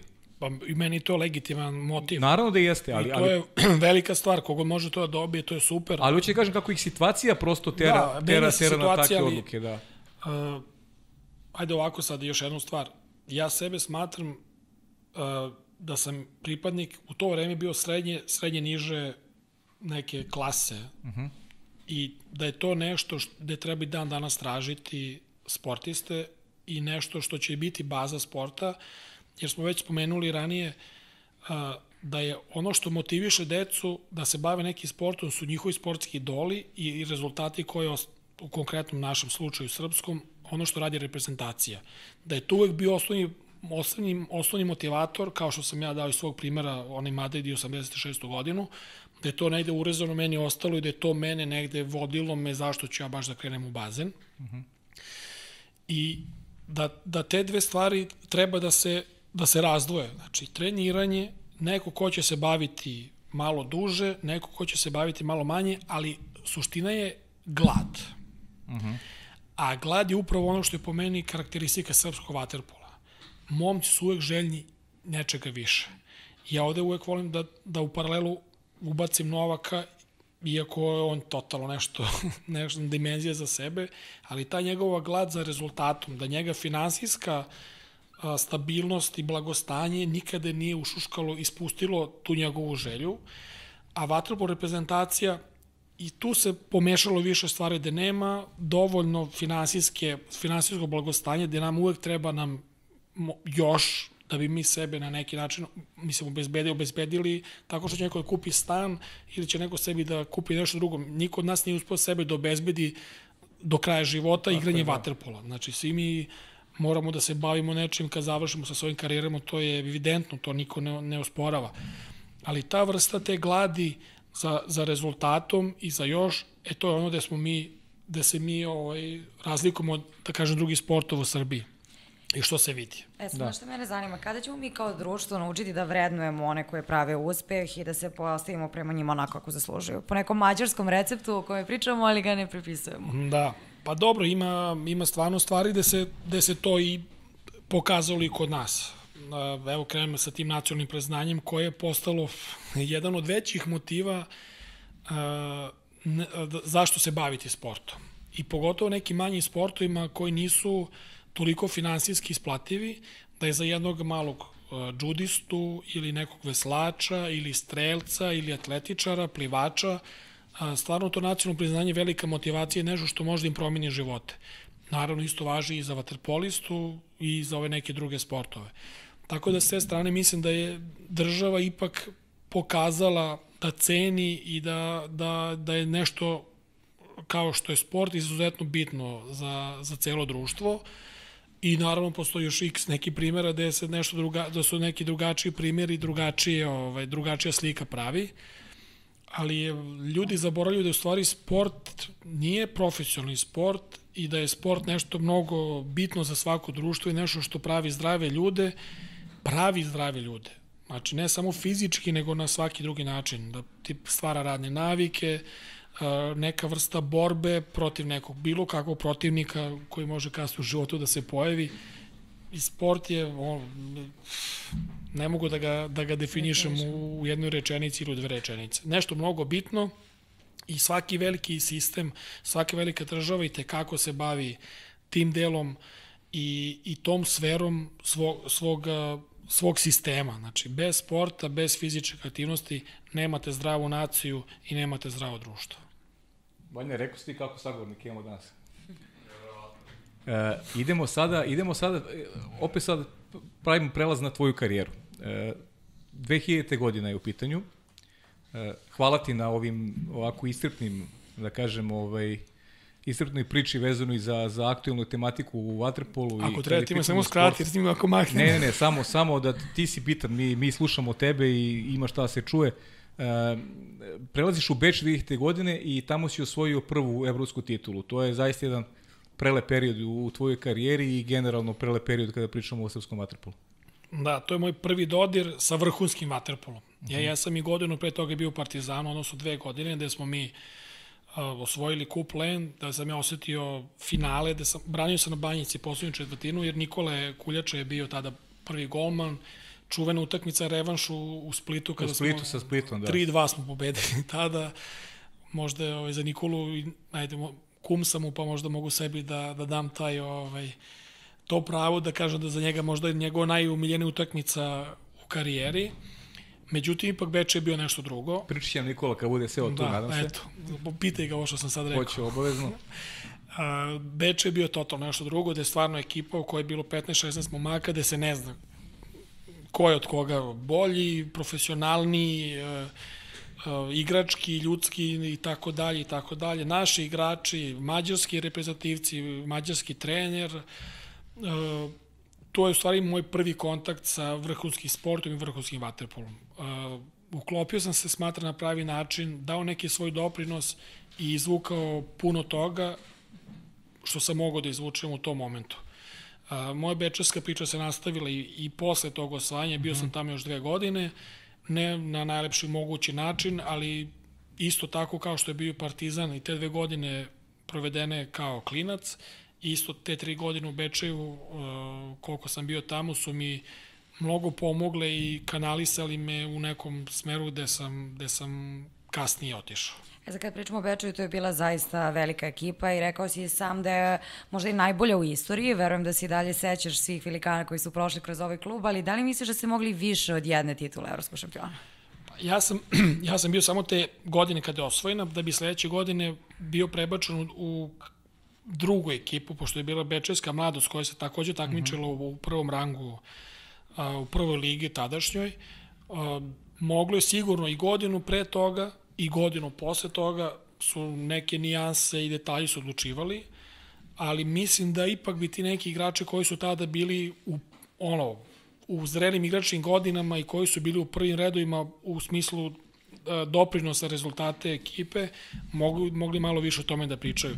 Imam svoje mišljenje, imam ono svoju neku, svoje viđenje i iz onoga što sam ja video i iz onoga što sam čuo, ali o tim nekim stvarima, o nekim detaljima koji su bili presudni da taj Beče nije trostruki ili petostruki prvak Evrope, odnosno gde su samo jednom ovaj, uspeli da dođu do samog vrha, ne bi želeo da se upuštam, da dam sebi tu slobodu da ja sad eto, imao sam tada 19-20 godine, sad sam ja već video, shvatio, znao kako je, šta je, gde su bili problemi, ali definitivno mislim da je, da je moglo više. Da, ali neko ste bili vezani za tu sredinu, znam cijela, cijela ekipa koja, ali e, ta smrt legendarnog Baže Predina je nekako e, klub, e, pa pravi manje više ugasila. Imao sam prilike nešto skoro, neke dve godine, recimo budem tamo na bazenu, bio je neki turnir, to više definitivno nije klub koji je bio nekad, nažalost. Ma i pre toga, i pre eto, tra, te tragične, mislim, prerane, da kažem, preranog odlaska Bađe, moje mišljenje je da je u stvari taj klub bio preveliki za tu sredinu. Uh -huh. Da je tamo bilo sedam duplih kruna, na krovu Evrope i tako dalje, da su ljudi jednostavno zasitili. Jedna varošica od 25.000 ipak 25.000 ljudi ne može da iznese tu veličinu na duge staze. Uh -huh. Oni jednom momentu, tu se pojavljuju razna neka viđenja, od onoga najbanalnijeg ko koji auto vozi, da, da, gde da, da. ko bio, šta je bio, što recimo u Beorodu ne postoji. Ljudi to registruju, ali se time više ne bave. To je samo nešto što je primet, primećeno, ali tamo su ljudi počeli da se bave tim stvarima. Ja se sećam proslave sedme titule gde je ono bukvalno tri igrača sa trubačima i, i niko više. A kad se pravila prva titula, to je bilo to je bila ono ozbiljna fešta. I s te strane mislim da je je prošlo taj momentum, da je taj vrhunac mm -hmm. doživljen i što ne znači da to opet ne može da se dogodi tamo. Ali krenulo je to da pada, poklopilo se sa političkim promenama posle 5. Da, oktobra, promenje način finansiranja kluba i tako dalje, tako dalje, ta priča je završena, ali smatram da je Bečeju kao vaterpolo centru i tekako mesto i dan danas u srpskom vaterpolu sa svom tom svojom tradicijom, sa uslovima koji imaju tamo bazenom otvorenim, zatvorenim i vole bi da, eto, da se iz godinu u godinu podižu ako može, nek budu opet prvaci Evrope, ali mislim da to nije nešto što je neophodno, nego neka, neka budu stalni učesnici u prvoj... Stabilan klub, da. Stabilan klub u prvoj ligi. Neka budu da. prvoligaši, pa onda za dalje neka oni odluče kako, kako im odgovoraju šta su njihovi njihove želje afiniteti. E sad, nakon tog perioda, neke naredne 3-4 godine, bio si između Rusije i Herceg Novog. Da li ima nešto specifično u tvom životu ili karijeri po čemu pamtiš taj period? Da, ima puno, ima puno toga, ali opet neka životna škola, prvi odlazak u inostranstvo, uh, iz te neke problematične finansijske situacije u, u Srbiji, gde i taj moj, tih mojih dve godine u Partizanu su završene nekim sudskim sporovima da bi ja naplatio svoje potraživanja da bi došao u Rusiju gde sve to funkcioniše savršeno, da nema nikakvih problema te vrste, a onda od starta ti to kao dovoljno, onda vidiš sve drugo što ti nije dovoljno, što ti nešto ovaj, smeti, što ti kvari. Međutim, u jednom momentu svog sazrevanja, ličnog rasta ili kako god se to naziva, sam shvatio da te stvari, da i te stvari koje su mi se činile manje lepima su i te kako bitne. Da je i to u velikoj meri uticalo na mene i da mi pomoglo uh, da dođem do, ajde da kažem, prvo i osnovno do 2009. i do moje prve titule, jedine titule svetskog prvaka gde sam tada smatrao da svaki moj korak i svaka, svaka sitnica su bile samo deo mozaika. Pričat ćemo o tome posebno, da znaš. Da, i, i ovaj, nisam ni mislio da nećem. Da. I tako da mi je Rusija veliko iskustvo, Uh, naučio sam ruski jezik koji sam učio u školi, pričao sam, učio sam ga pet godina da bi ga kasnije doveo na neki nivo koji je zadovoljavajući. Uh, Herceg Novi takođe interesantno, jedna ekipa koja je tada bila mlada, ali da je ostala na okupu 10 godina, mislim da bi samo se pričalo nama, sad nabrojat ću vam imena. Kako se kaže na ruskom brani drugu stativu? Vtoroj post. A, dobro. da, uhvatio sam te ovde, vidim da, Da, vidim da, da, li da, znaš stvarno da, ruski. momentom. Tako se Miću na mađarskom, Mića stvarno učio mađarski. Za, za kroj vtoroj post. E, Dobro, tako, dobro. Ako, ajde, recimo da budem, ako sam, ovaj, prvo, posle ću razmisliti, pa ću ti javiti da li sam dobro. vaši, vaši. Ovaj, u Herceg Novom je bila ekipa, evo sad, prva sedmorka, osmorka, desetorka. A, eto, ja sam na golu, pa onda krene Boba Nikić, Vanja Dovičić, Vlado Gojković, Jokić, a, Nikola Janović, mislim, ekipa koja je da je. Zloković, Nije Zloković, bio, Tad nije bio tu? Mhm. Ne, on je već otišao. Ali Andrija, Andrija. Leka, Ivović, znači to je Da, bila naša ekipa od tada koja je, da kažem, nesretno smo poraženi u četvrtfinalu, odnosno za go smo ispali od Dobrovačkog juga, nismo se kvali- kvalifikovali na Final Four, da smo to uspeli, možda bi to i promenilo neku moju sportsku moj sportski put i nek, nek, nešto što se dešavalo kasnije, ali ne znam, ja iz ove, iz ove stolice gde sada sedim, ja ne bi menjao ništa. Pa, ja, ja, mislim da je baš onda usledio jedan dobar period tvoje karijere. Ta 2000, od 2008. do 2015. je boravak u Partizanu, I pre toga Španija. pre toga Španija. E, viš, tu sam Da. Španiju zaboravio. Tu sam Španiju Da. negde zaboravio, negde sam ja to ispustio. Da. Oboje smo negde ispustili Marina tu Španiju. Sabadelj dve godine, e, prelepa Španija, posle mračne i tamne Rusije i hladne, sun, suncem okupana Španija sa Špancima koji su veliki sportisti i totalno neka druga kultura koju sam imao zadovoljstvo da osetim i da prihvatim. španski naučio? I naučio sam i španski, pa kasnije portugalski, pa italijanski, tako da god sam ovaj, e, igrao, imao sam, bio sam dovoljno pametan da, da savladam te jezike koji nisu možda na nekom savršenom nivou, ali neka svakodnevna komunikacija je više nego korektna. A, bila mi je ono, Barcelona mi je bila omiljena, omiljena Barsa, Barsa, Barsa i išao sam tamo još x puta dok nisam došao u Rim prošle godine onda sam promenio. A, znači sad je, Sa- sad je Rim, sad je Rim, Rim, Rim. znači Rim, Da, Rim, da, Rim, da. viš. A ti kažeš nešto, i meni tako isto. I meni je Rim, Rim isto, kad u odnosu recimo na Barcelonu. Ali ovo to nije važno. Nema veze, da. Nije važno, da, da, da, da, ne, to ćemo da u kafani. Da, ovo, to je druga neka Ja priča. ne idem u kafana za tebe. Dobro, u biblioteku. E, taj period od Partizana od 2008. do 2015. godine, to je Partizan i to je taj period neki koji si koji si ti ovaj posle ovaj e, negde si ga ajde da kažem isplatio si kroz represivnu karijeru. A, pričat ćemo o rep- represivne karijere i postao si drugi put u prvak Evrope i to je jedna neverovatna generacija Partizana i neverovatna pobeda protiv Pro Reka koja se o kojoj dan danas pričamo, gledamo neke slike baš iz tog perioda kada si, kada si branio boje Partizana, a mislim da je to taj period od 2008. do 2015. Da, definitivno, moj, vrhunac moje klubske karijere i, i reprezentativne pričamo Da. o tim nekim godinama. Od 2008. do 2015. Uh, u reprezentaciji Srbije sam bio 2006. 2012. što je neki uh -huh. sedam sezona, šest godina, odnosno sedam sezona, i tako da budemo ovaj, konkretniji. Uh, povratak u Partizan u pravo vreme što se tiče neke moje igračke zrelosti i celog mog tog nekog putovanja i došao sam u, u ekipu gde sam mogao da da pružim ono najbolje od sebe što se tiče vaterpola, što se tiče mog doprinosa ekipi, što se tiče mog a, mog mesta u ekipi, mesto golmana je vrlo specifično i ima neku svoju dodatnu težinu. E, 2008. 9. odnosno 9. 10. nismo došli do kraja do onoga što je bilo od nas očekivano, za šta smo bili projektovani, skupljeni, ne, sastavljeni, da bi 2011. godine sve to dobilo svoj smisao i možda pobeda protiv po imenima najjačeg reka ikada. Eto, tako, nisam to jedini, nisam jedini koji tako to vidi, koji tako razmišlja.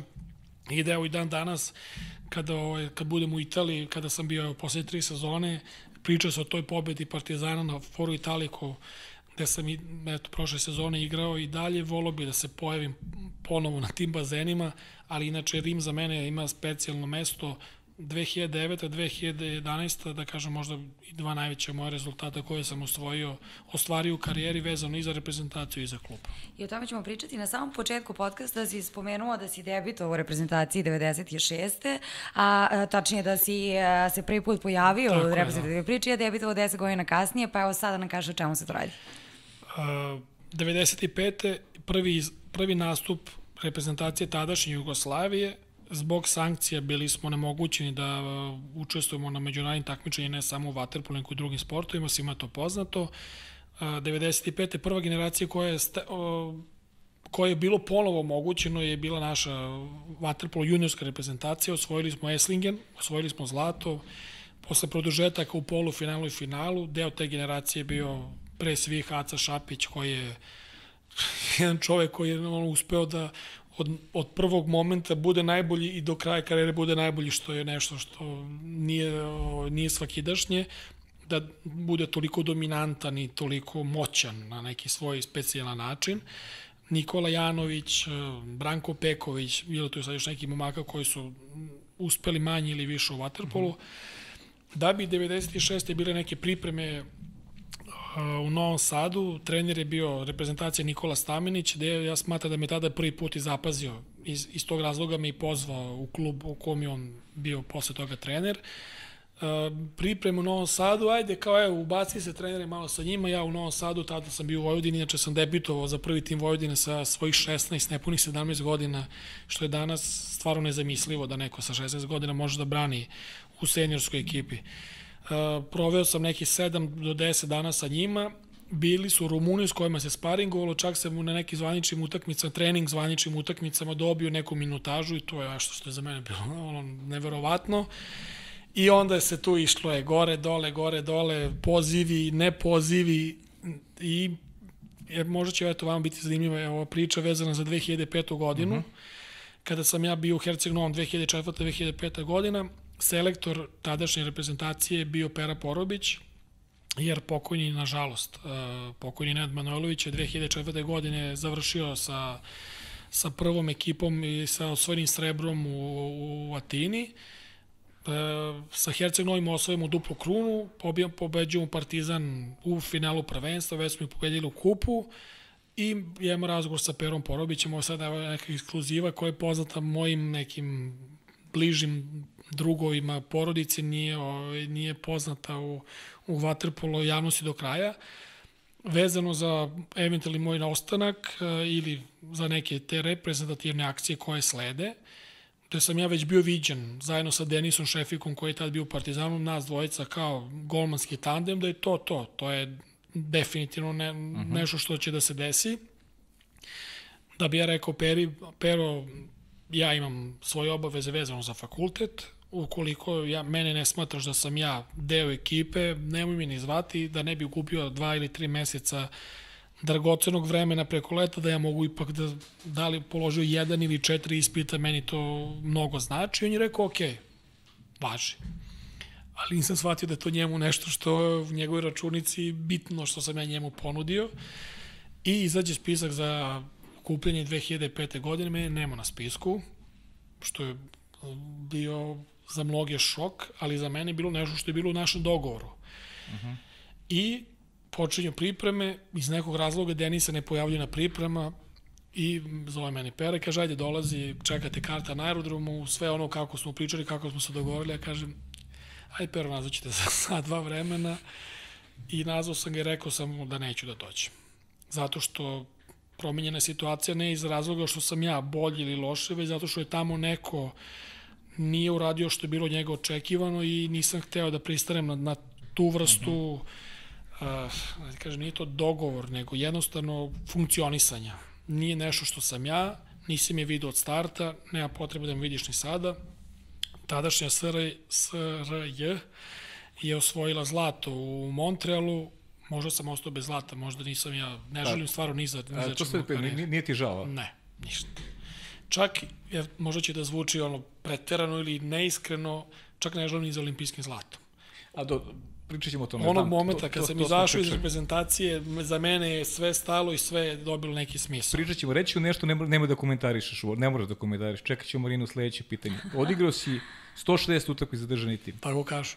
E, osvojio si 16 medalja na 17 takmičenja, 11 zlatnih jednu srebrnu, četiri bronzane i imaš jedno četvrto mesto u Kanadi 2007. godine. Ne, ne, Montreal. Uh, Pa Melbourne. Montreal. Melbourne. A, Melbourne, izvini, Melbourne. Melbourne, Australija. Da, Tako je, izvini, Melbourne, Melbourne, Australija. Melbourne. Melbourne, izvini, Da. 2007. Znači, Ti Kanada. Australija, ja sam te zbunio. Da. Ali to je jedno četvrto mesto, znači od, od toliko 17 takmičenja, samo jednom nisi osvojio medalju. Pa mislim, nema razloga da, budeš, da Meni žališ je- za nečim da Meni ne je budeš još nezadovoljan. bolji, još bolji podatak, čekaj da ne, da ne, ne razvimo. Dobro. A, šta je mene fascinira? Apropo one priče, Gajić, e, kvalitet rada Rad, i tako dalje. E, No, vi novinar, ajde sad ću tako da se obratim, čuveni, čuvena priča, mi Srbi, naš mentalitet pobednički, tralala, tralala. Da li recimo znaš za podatak da prvo evropsko zlato koje je osvojila naša bivša ili jedna od naših bivših država je bilo u Atini 91. godine. Pre Da. toga smo izgubili, ja mislim, nekih osam finala. O kom onda mi pobjedničkom mentalitetu pričamo. Tako je, da. A postoji recimo sada Filip i Andrija, mislim da isto imaju cifru, od 25 finala su osvojili 23. E, ne znam da li su, Filip je bio u Kranju, nisam sigurno da li je bio Andrija u Kranju. Andrej nije bio. Filip je bio u Kranju. Ok, nema veze, neka, ali igrali su 25 finala, dva puta su bili drugi. Da. Mislim, sve te brojke Nevjerovatno. moje koje si Da, nabrojao, ja, jeste, pa ne, ne, ne, ne ja, nije ja to, moj sportski mozak to ne može da Pa to bilo da koji shvati. mozak teško može da shvati kada, kada, pričamo o, tim stvarima. E sad ovaj deo dalje. što si rekao da Ajmo dalje, spominje, ajmo dalje, da, ajmo Rim dalje, stvarno ima tema 2009, mnogo. Ima mnogo tema, da, Rim 2009, to smo nekako apostrofirali kao prekretnicu generacije koja i dalje traje i ti si bio deo, deo tog tima, verujem da je i tebi to zlato nekako najdraže. Uh, jeste, sigurno, iz više razloga. Prvo je ta promena, smena generacije koja se dogodila, da sam ja u Pekingu 2008. bio sedmi, naj, uh, sedmi najstariji, ili kažem sedmi po starini, da bi u Rimu bio najstariji igrač reprezentacije, to je prva stvar. Druga stvar, način na koji smo ispraćeni tamo je bio ispod svako nivoa, od nas niko ništa nije očekivao, mi smo otišli kao maltene turisti, da bi se to poklopilo sa prvom utakmicom i porazom od Španije, gde smo još otišli niže u očima javnosti i ne samo mi, nego i trener i ceo savez i sve to ovaj, bilo, na, neću da kažem na stubu srama, ali skoro. I vratio bi se na jedan moment uh, pred četvrt finale, odnosno pred osminu finala sa Italijanima, I razgovor sa kumom. Tako je, ti znaš. Da ja kažem Žiletu, Gocić, Živku Gocić, ajde da ne budem, ovaj, da ne budem uh, uh, suviše, uh, da budem više zvaničan, da, Dobro. da ne intimiziram sa, sa mojim kolegama. I ja kažem njemu, evo ti gledaj, Živko, osmina finala igramo s Italijanima, kod kuće u Italiji pobeđujemo. Četvrt finale idemo na Mađare, olimpijske prvake, pobeđujemo. Polufinale idemo na na Hrvate koji su aktualni svetski prvaci pobeđujemo, u finalu igramo sa Špancima, ne može niko dva puta da nas dobije, osvojimo zlato. I ceo taj put se tako i dogodio. Bio je najteži mogući, svaka od tih utakmica je bila priča za sebe, negde smo igrali bez centara koji su bili ranije izbačeni, negde smo igrali bez bekova koji su bili Pa ranije i izbačeni. Stefan Mitrović koji nije igrao Stefan koji od, od posle prve utakmice je dobio, ne znam šta je, ono neku upalu, nek, pljuvačni žlezda, bio Da. čovjek žaba. I ovaj, da bi se na kraju sve to završilo kao što se završilo i napravio se ozbiljen iskorak za sve ono što se kasnije izdešavalo. Znači, nije bilo pada, nego je bilo čak što je više ono, iskorak napred i na tom talasu mislim da je, su došli svi kasniji rezultati uz jedan, jedan, jedan trenutak koji ajde sad ne pričam o sebi, nego pričam generalno o srpskom vaterpolu, a to je poraz protiv Crne Gore u četvrtfinalu u Barceloni, koji je bio ono korak nazad za sledećih x koraka u napred. A kada si definitivno spoznao da nećeš braniti više za reprezentaciju? Kako se to dogodilo kada? Uh, pa ima dva momenta uh, koje su bitna. Uh, posle olimpijskih igara u Londonu uh, desilo se nešto unutar Saveza među nama igračima gde su mi želeli da saopštimo naše viđenje na celu situaciju u kojoj smo se tada nalazili, nevezano samo za naš rezultat, nego i samo za neke druge stvari, gde smatram da je svaka olimpijska medalja i tekako veliki, veliki životni on, moment, uh, da bi u jednom momentu Dejan Udovičić, koji je tada bio i dalje aktualni trener, me nazvao i saopštio mi da više ne računa na mene, da sam i više, da sam bio više nego korektan za sve te godine provedene reprezentacije, da će mi napraviti neku oproštenu utakmicu i to je to. Iako je mesec dana pre toga imao totalno neku drugu priču da je govorio da će dati Banetu i Gojko šansu, ali da i dalje ja tu stojim kao neko ko malte ne, ako se oni, zavisi od kako se oni pokažu, okay. da, da malo uprostim stvari. Uh, odlaskom Dejana dolazi Dejan Savić koji je u to vreme bio VD, VD trener ove reprezentacije. On je imao neku svoju viziju vezano za poziciju golmana, gde su tu bili pre svega Gojko koji je bio kod njega u Zvezdi uh, već prisutan i sa kojim imao iskustva, Bane kao neko ko je mlad i koji isto još uvek se nije pokazao do kraja, što je meni tada bilo sasvim prirodno i normalno, jer ipak va, srpski vaterpolo je, ne, je sport koji ima svoju projekciju i vidi onako malo više u budućnost, da sam ja u tom recimo Rio trebao da imam ko što sam imao 30, nepuni 38 godina, a Bane i Gojko su bili momci koji bi u toj projekciji trebali da budu na svom vrhuncu, golmanskom, fizičkom i iskustvenom i na svaki drugi način trebali da budu najbolje. I to je nešto što je prirodno, nešto što se desila ta neka smena generacije, gde sam ja bio u tom momentu neko ko je promenjen i jednostavno to je to. Tako da su te dve, ta dva momenta su opredelila moje neigranje dalje za Srbiju. Ja nikada nisam rekao ja za Srbiju više neću da igram, poločaj iz reprezentacije, to iz mojih usta nikada nije zašlo. Da. Jednostavno nisam bio u planovima prvo jednog, a kasnije drugog trenera, što je skroz prirodno, legitimno i ja s tim nemam ovaj, nikakav problem, niti sam ga imao. Ja sad kad pričamo o reprezentaciji Srbije, pre nego što se prebacimo na Brazil, da mi čujemo pitanje koje su Može. postavili za Sora. Ajde, da čujemo A da imamo i ko? Zašto te zovu Kopo? E, zašto te zovu Kopo? Koji je razlog što si ti Kopo? Da, postoji razlog. Zašto? Ajde da čujemo, da čujemo. Da, pa priča iz Bečeja. Dobro. Priča iz Bečeja, uh, bazen je kakav jeste, ima samo jedan tuš koji je onako, ima jedna cevka sa tri, tri izlaza, inače jako lep pritisak i dobro je za tuširanje, to isto se pamti. I posle jedna od utakmica za Bečej, misle da je bila neka Liga šampiona, onako nabacani svi bade mantili stoje pored sa strane i sad ne, niko ne zna, sad moraš da nađeš svoj mantil da bi tadašnji moj saigrač Predak Zimonjić, čuveni Pele, uz moj bade mantila, inače on je do godin, dve godine pre toga odigrao u Italiji x godina i na mom mantilu je pisalo Soro na Ćirilici. Da bi on rekao, e, koji je kopo, šta je ovo? to sam ja, Soro, ali pobrkao si ovaj, Pobrkao Neka si slovo. pismo, pismo ovaj, na kom si to pročito. Čak i jezik je, da je bilo na srpskom, bilo bi copo, ali on ga je pročito na italijanskom. Tako da evo ima njih koji to i dan danas. Pa. Čudi me da njih dvojica baš, oni dosta da, pamte. Ja sam sad to bilo za te bitne stvari što pamte. pamte, pamte bitne stvari, da. To, to ja ti znala da je to Beče, ja sam mislila da je to reprezentacija, ali ne, nema veze. Beče, beče, da. Nema veze, evo kad, vraćamo se. Kad si reprezentacija pita, ima neke anegdote koje pamtiš, pošto to gledalci uvek traže. Mislim, ne moraš na to da odgovaraš. Idemo dalje, imamo dosta još tema dobro da imamo. Da, tako da. Pa anegdote, Ima i uglavnom vezano za neke mlađe igrače koji su se priključivali reprezentaciji, pa onda oni to kako su se snalazili, kako su pokušavali da budu deo te cele atmosfere gde smo mi stvarno prihvatali na, ja smatram, najbolji mogući način, ali su oni imali to ovaj, neke svoje ispade kada smo im ajde, nisam je bio možda taj koji je to radio, ali neki igrači organ, napravim kviz, pa kao postavim neke pitanja iz opšte, ovaj, iz Aha. opšte kulture i, i neko, neko ono bazično školovanje gde je bilo raznoraznih odgovora, da recimo koliko traje trudnoća kod jedne žene između 8 i 18 meseci.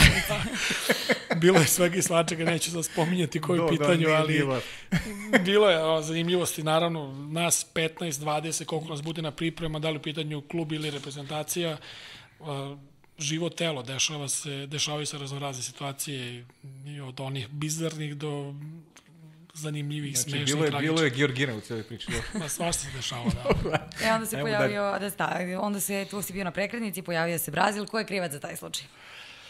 Uh, pa sve započinje uh, sa mojim, uh, ajde, znači se sećam da sam bio, uh, bio sam jedno vreme uključen u rad Olimpijskog komiteta Srbije i poslao, poslan sam od strane istoga da budem uh, predstavnik uh, sportske komisije u Singapuru gde je bilo jedan veliki skup koji je organizovao MOK i gde sam lično upoznao recimo jednog Borisa Popova, Sergeja Bubku, Sara, Sara Radcliffe, bilo je tako, baš ozbiljnih, uh -huh. uh, ozbiljnih imena. Uh, uh, dobio sam poziv od strane Mirka Blaževića, koji u to vreme bio trener Brazila, šta mislim o mogućnosti dolaska u Brazil i eventualnog nastupa na olimpijskim igrama 2016. što za mene bilo što nikad mi ne bi palo na pamet ništa slično. I onda 2013. ja sam u Barceloni gde sam otišao da gledam našu reprezentaciju, imao prvi razgovor sa njihovim tadašnjim predsjednikom plivačke, plivačke sportove, to je kod njih sve unutar jedne kuće. Šta mislim u tom pravcu, kako razmišljam i da bi onda u septembru 2013. godine bio pozvan od strane Fluminese da budem uh, deo njihove ekipe, ne da nastupam jer su već imalo da ograničen broj stranaca, nego da budem prisutan na treninzima, da budem deo kluba, što sam ja prihvatio i tako počinje ta moja brazilska avantura. Ali si rekao nešto Filipe Peroni imao, tako? Imali smo jedan razgovor, ali mislim da je to s njegove strane bilo više opipavanje, da je to Aha nije bila ništa ni blizu konkretnog. Ipak neki prvi razgovor direktan i direktno pitanje došlo od strane Mirka Blaževića. Da, da, da. Sa Filipom bila je to neka svetska liga u Srbiji, ja sam bio na tribinama, posle smo se sreli negde uh, kasnije, on mi je to kao postavio ali nešto što nisam shvatio kao ozbiljan razgovor i ozbiljnu temu. Da. I onda kako već to Subina zada uplete prste, dolazimo u Rio 2016. godina, Srbija najveći favorit i ispraćena odavde vaterpolisti uzimamo i zlato, vidjet ćemo da li će biti još nekih medalja. Dakle, vaterpolisti su zlatni, a možda bude još neka medalja i dešava se da Brazil, Slobodana Sora, pobedi tu Srbiju, pritom ti braniš neverovatnu utakmicu. Da. I kako se osjećaš u toj priči? Uh, to samo ja znam ali, ali bukvalno, evo, ja nisam neki, ovaj, ja sam matematičar, sa rečima se služim, ali kako bi ja mogao da opišem taj, to stanje svesti. To je nešto što je za mene stvarno teško i što je stvarno nešto duboko i lično. I ono što mi je bilo interesantno i što ja nisam primetio za vreme same utakmice su komentari ljudi koji su stigli meni posle utakmice te veliki deo njih me pohvalio na mom tržanju i na mom ponašanju za vreme utakmice. Uh -huh. Da kažem, neimanje emocije. Emocija je takako postojala, bila prisutna, ali s...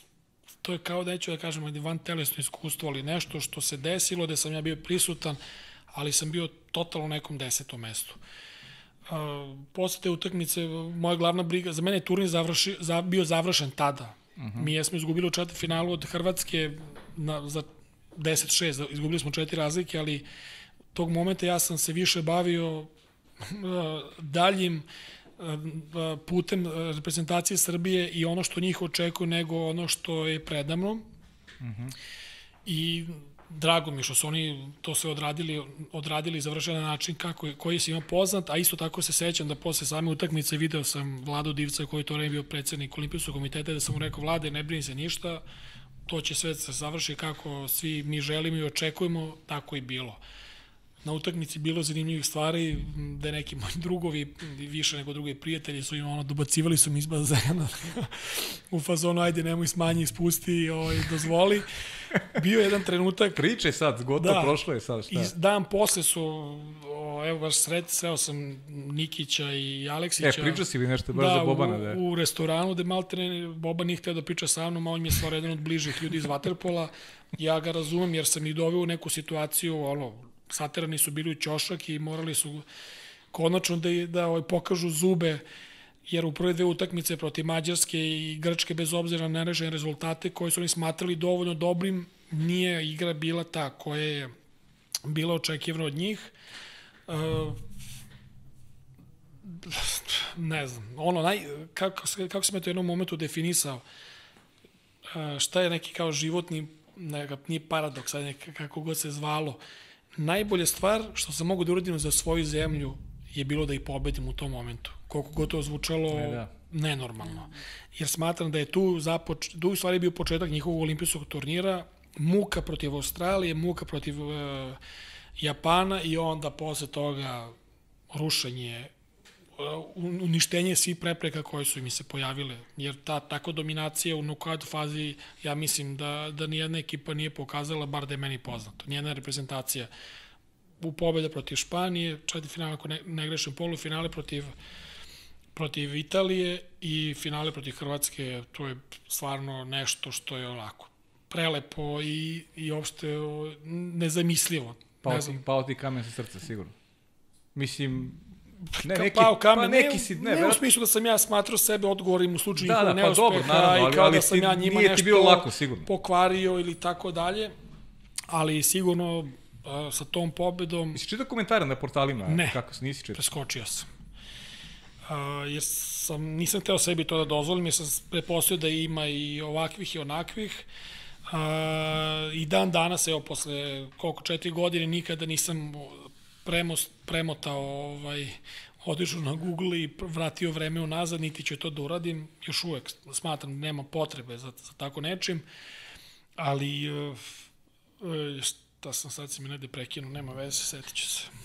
Pređemo Pa, na drugo ajde, idemo drugo, pa ajde, ćemo nema onda. veze, ajde. Rekao si ti negde najteža bila utakmica Brazila i Grčke, jer si mislima bio na nekom drugom mestu. Tako je. Grci izuzetno dobra ekipa, spremna fizički sa nekim specijalnim vaterpolom koji je njima karakterističan. Uh, mislim da ne samo za mene, nego za celu ekipu Brazila u tom momentu olimpijski turnir se završio. Imali smo par igrača koji su uh, posle te utakmice sa Srbijom više nisu bili isti. Uh, ne govorim tu o sebi, jer mislim ja sa svojim iskustvom i sa svojim rutinom sportskom koja datira iz Partizana, evo, tako da opet da se vratim na to, da sam ja ono, formiran, istreniran, naučen, da u svakom momentu imaš svoj pristup utakmici, protivniku, takmičenju i svemu. Naravno, to varira od, od važnosti, ali ipak baza postoji da neki momci iz ekipe nisu to mogli, nisu bili spremni, nisu bili naučeni, što je prirodno i meni je totalno razumljivo, nisu mogli to da isprate do kraja. Imali smo priliku u četvrtfinalu protiv Hrvatske kada smo gubili 8-6, imali smo 4 minute igrača više, to nismo iskoristili i I eto, nismo iskoristili. Mada, stvarno, ajde, kad pogledamo odavde, da jedan Brazil pobedi Srbiju i Hrvatsku na olimpijskom turniru, mislim, već ovo što smo dobili Srbiju bilo je ne, mislim da tak, takvo iznenađenje se nije dogodilo u istoriji olimpijskih turnira, a još da smo dobili Hrvatsku, onda nisam, To bi bilo. bilo bi stvarno previše. Idemo još, još dva pitanja koje ovako će da ovako može da, da malo opširnije da budu, a onda ćemo neka blic pitanja koje su pitanje naših gledalaca, to smo uveli jedan novitet, e, evo baš za tvoje gostovanje. E, projekat Brazila, šta se dešava sa njim? E, rekao si mi ti i dalje braniš, imaš brazilsko državljanstvo, naravno, i dalje braniš za Brazil, ništa ne sprečava da se pojavljuješ njihovim akcijama. E, ne znam šta se dešava unutar Saveza, ko je sad tamo selektor Filipe Perone koji već igra za Španiju, on je, on je imao taj put, malo Španija, malo Brazil. Josip koji igra za Hrvatsku, Vrlić, Vrlić, aha. Delgado koji igra za Španiju, Tako je, da. Tako da ima momaka koji su nastavili dalje nevezano za Brazil. A, ja sam bez obzira na to što je neki moj ugovor sa njihovom federacijom završen u septembru 2016. godine nastavio da nastupam za Brazil. Uh -huh. Ja sam i svo to vreme bio i kapitan reprezentacije. Dva puta smo se kvalifikovali na svetskom prvenstvu, što je za njih veliki rezultat. Sama činjenica da su među 12 najčih najčih reprezent, odnosno 16, izvinim, u pitanju svetskog prvenstva. E, imali su dva ozbiljna momentuma kada su mogli da taj vaterpolo brazilski dignu neke veće, ne, veše, višlje grane. Prvo je sigurno to posle olimpijskih igara da se desilo neki sukob na relaciji federacija, neki veterani koji su pokrenuli neku priču da bi onda tu i negdje olimpijski komitet bio pod prismotrom za neke finansijske malverzacije uh -huh. i onda je promenjen predsednik, promenjena cela uprava i onda je sve to dobilo neki neki smer koji nikako nije prijao ne samo vaterpolu, nego i svim vodenim sportovima, da 2017. malte ne smo dob... i plivači brazilski i naša ekipa smo bili tamo kao kao gosti. O, neke stvari koje su meni nejasne i nepotrebne, da bi onda opet dos, dogodio se još jedan trenutak a, prošle godine, kada smo osvojili taj svoj kup Uana, je nezvanično prvenstvo Južne i Severne Amerike, uh -huh. gde smo ovaj, u finalu pobedili Ameriku, što je nešto ono, stvarno nejasno šta se desilo, ali stvari desilo se da sam od osam peteraca ja odbranio pet, između ostalo. mi se nešto, mi se, sk- Da, tako mi namestilo se, se. namestilo se.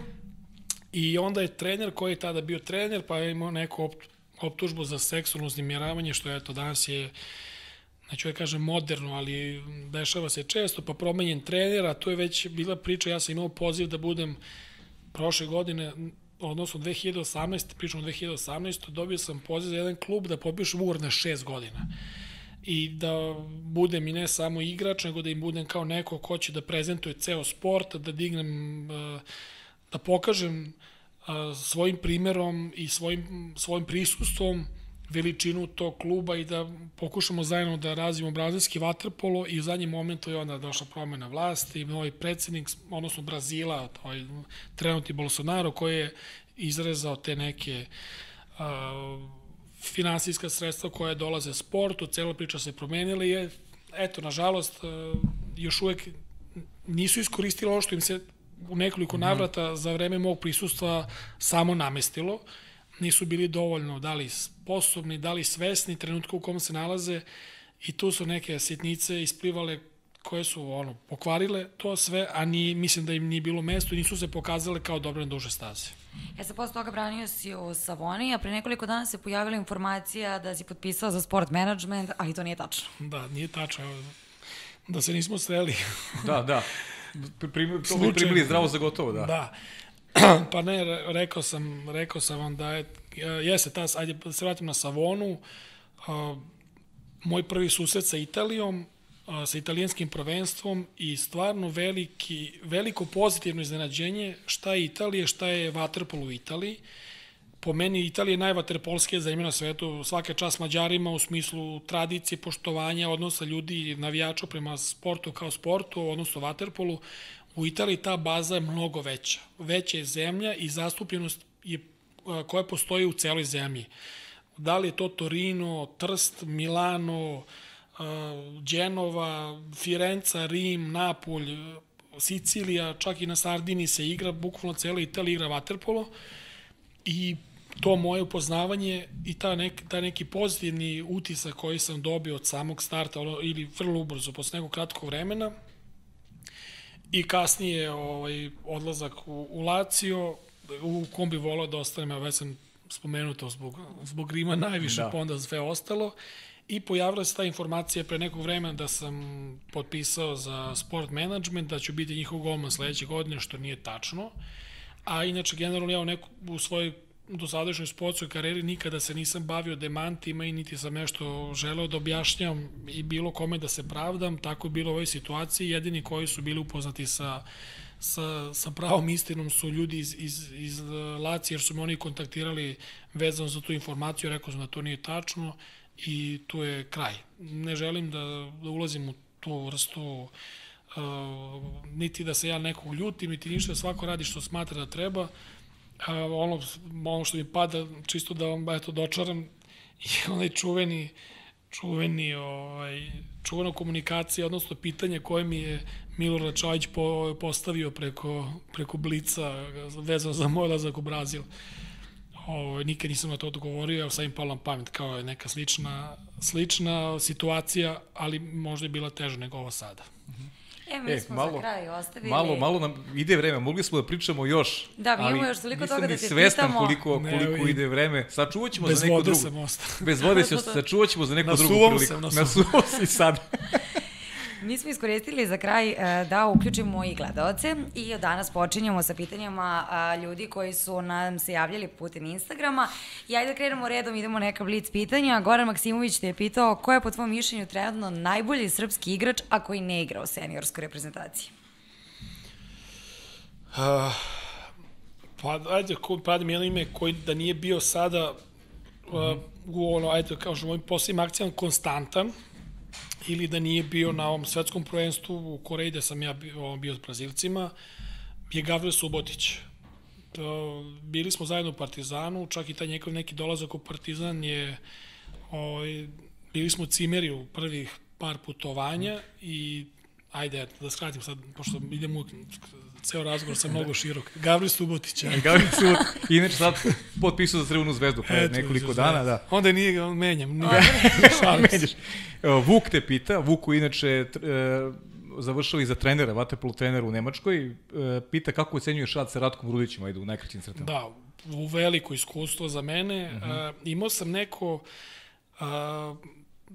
mišljenje uh, o Ratku koje je dolazilo od igrača koji su s njim sarađivali ranije, najviše vezano za hrvatski igrače s kojima sam uh -huh. komunicirao i to je neka, ja, Ratko, Ratko, Ratko.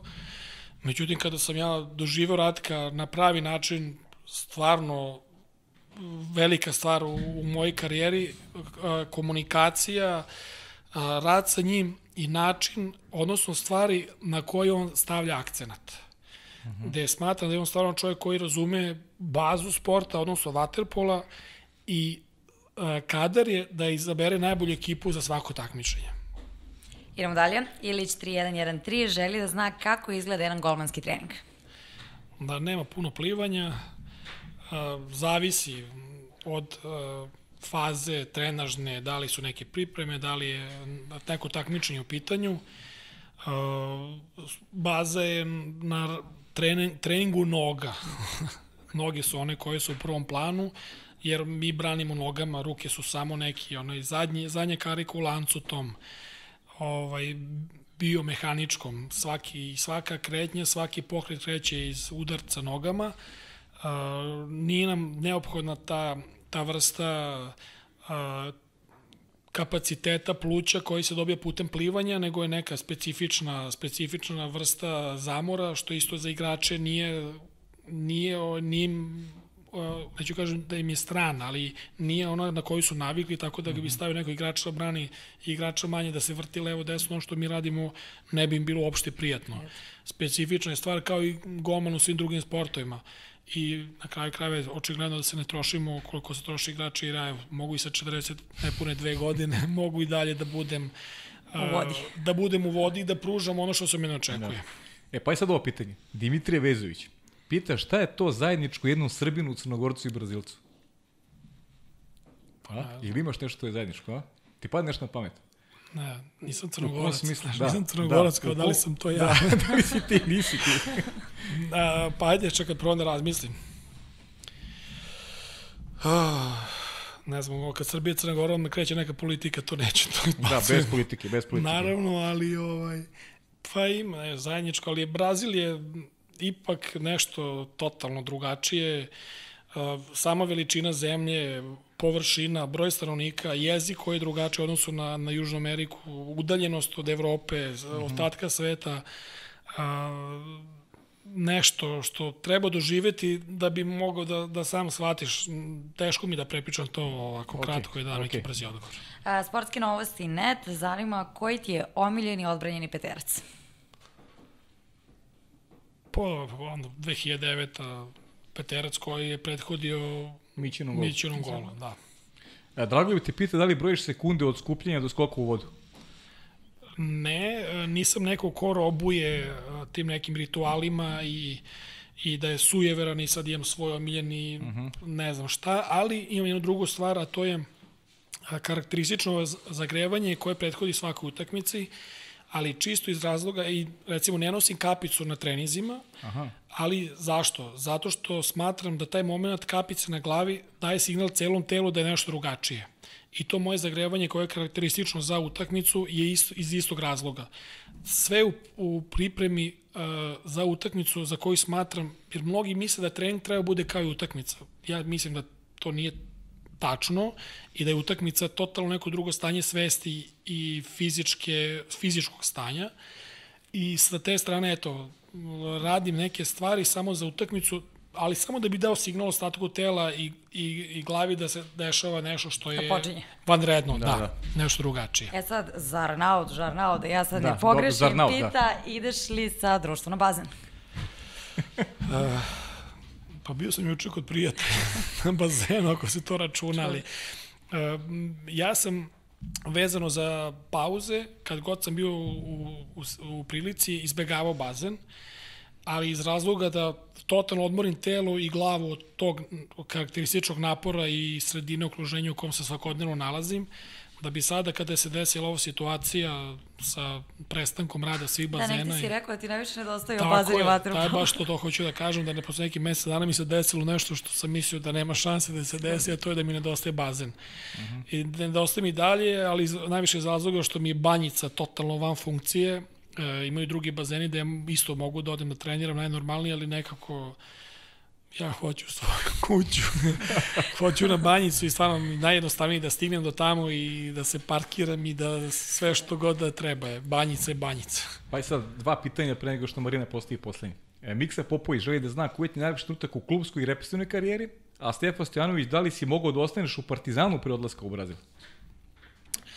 A, već sam to raspomenuo, reprezentativna sigurno Rim. Rim 2009 bilo je toliko toga, sad mm -hmm. da ne nabavim da se ne vraćam na, na, na sva ta takmičenja i medalje, ali eto, a, to je to što se tiče kluba Partizan 2011 i ta pobeda, mada ima tu još nekih velikih pobeda koje sam dobio od svoju s Partizanom, možda bi izdvojio 2014. i pobedu u četvrtfinalu protiv Pro Reka u Barceloni na prvom Final Sixu koji je uh -huh. odigran u tom formatu. kad Isto je- na penale smo i, Da, da, da. smo i pobedili. Kad je radnički igrao finale. Tako je, kad je radnički igrao finale. Šta je bila druga, druga, Druga, da li si mogao da ostaneš u Par- u Partizanu pre odlaska u Brazil?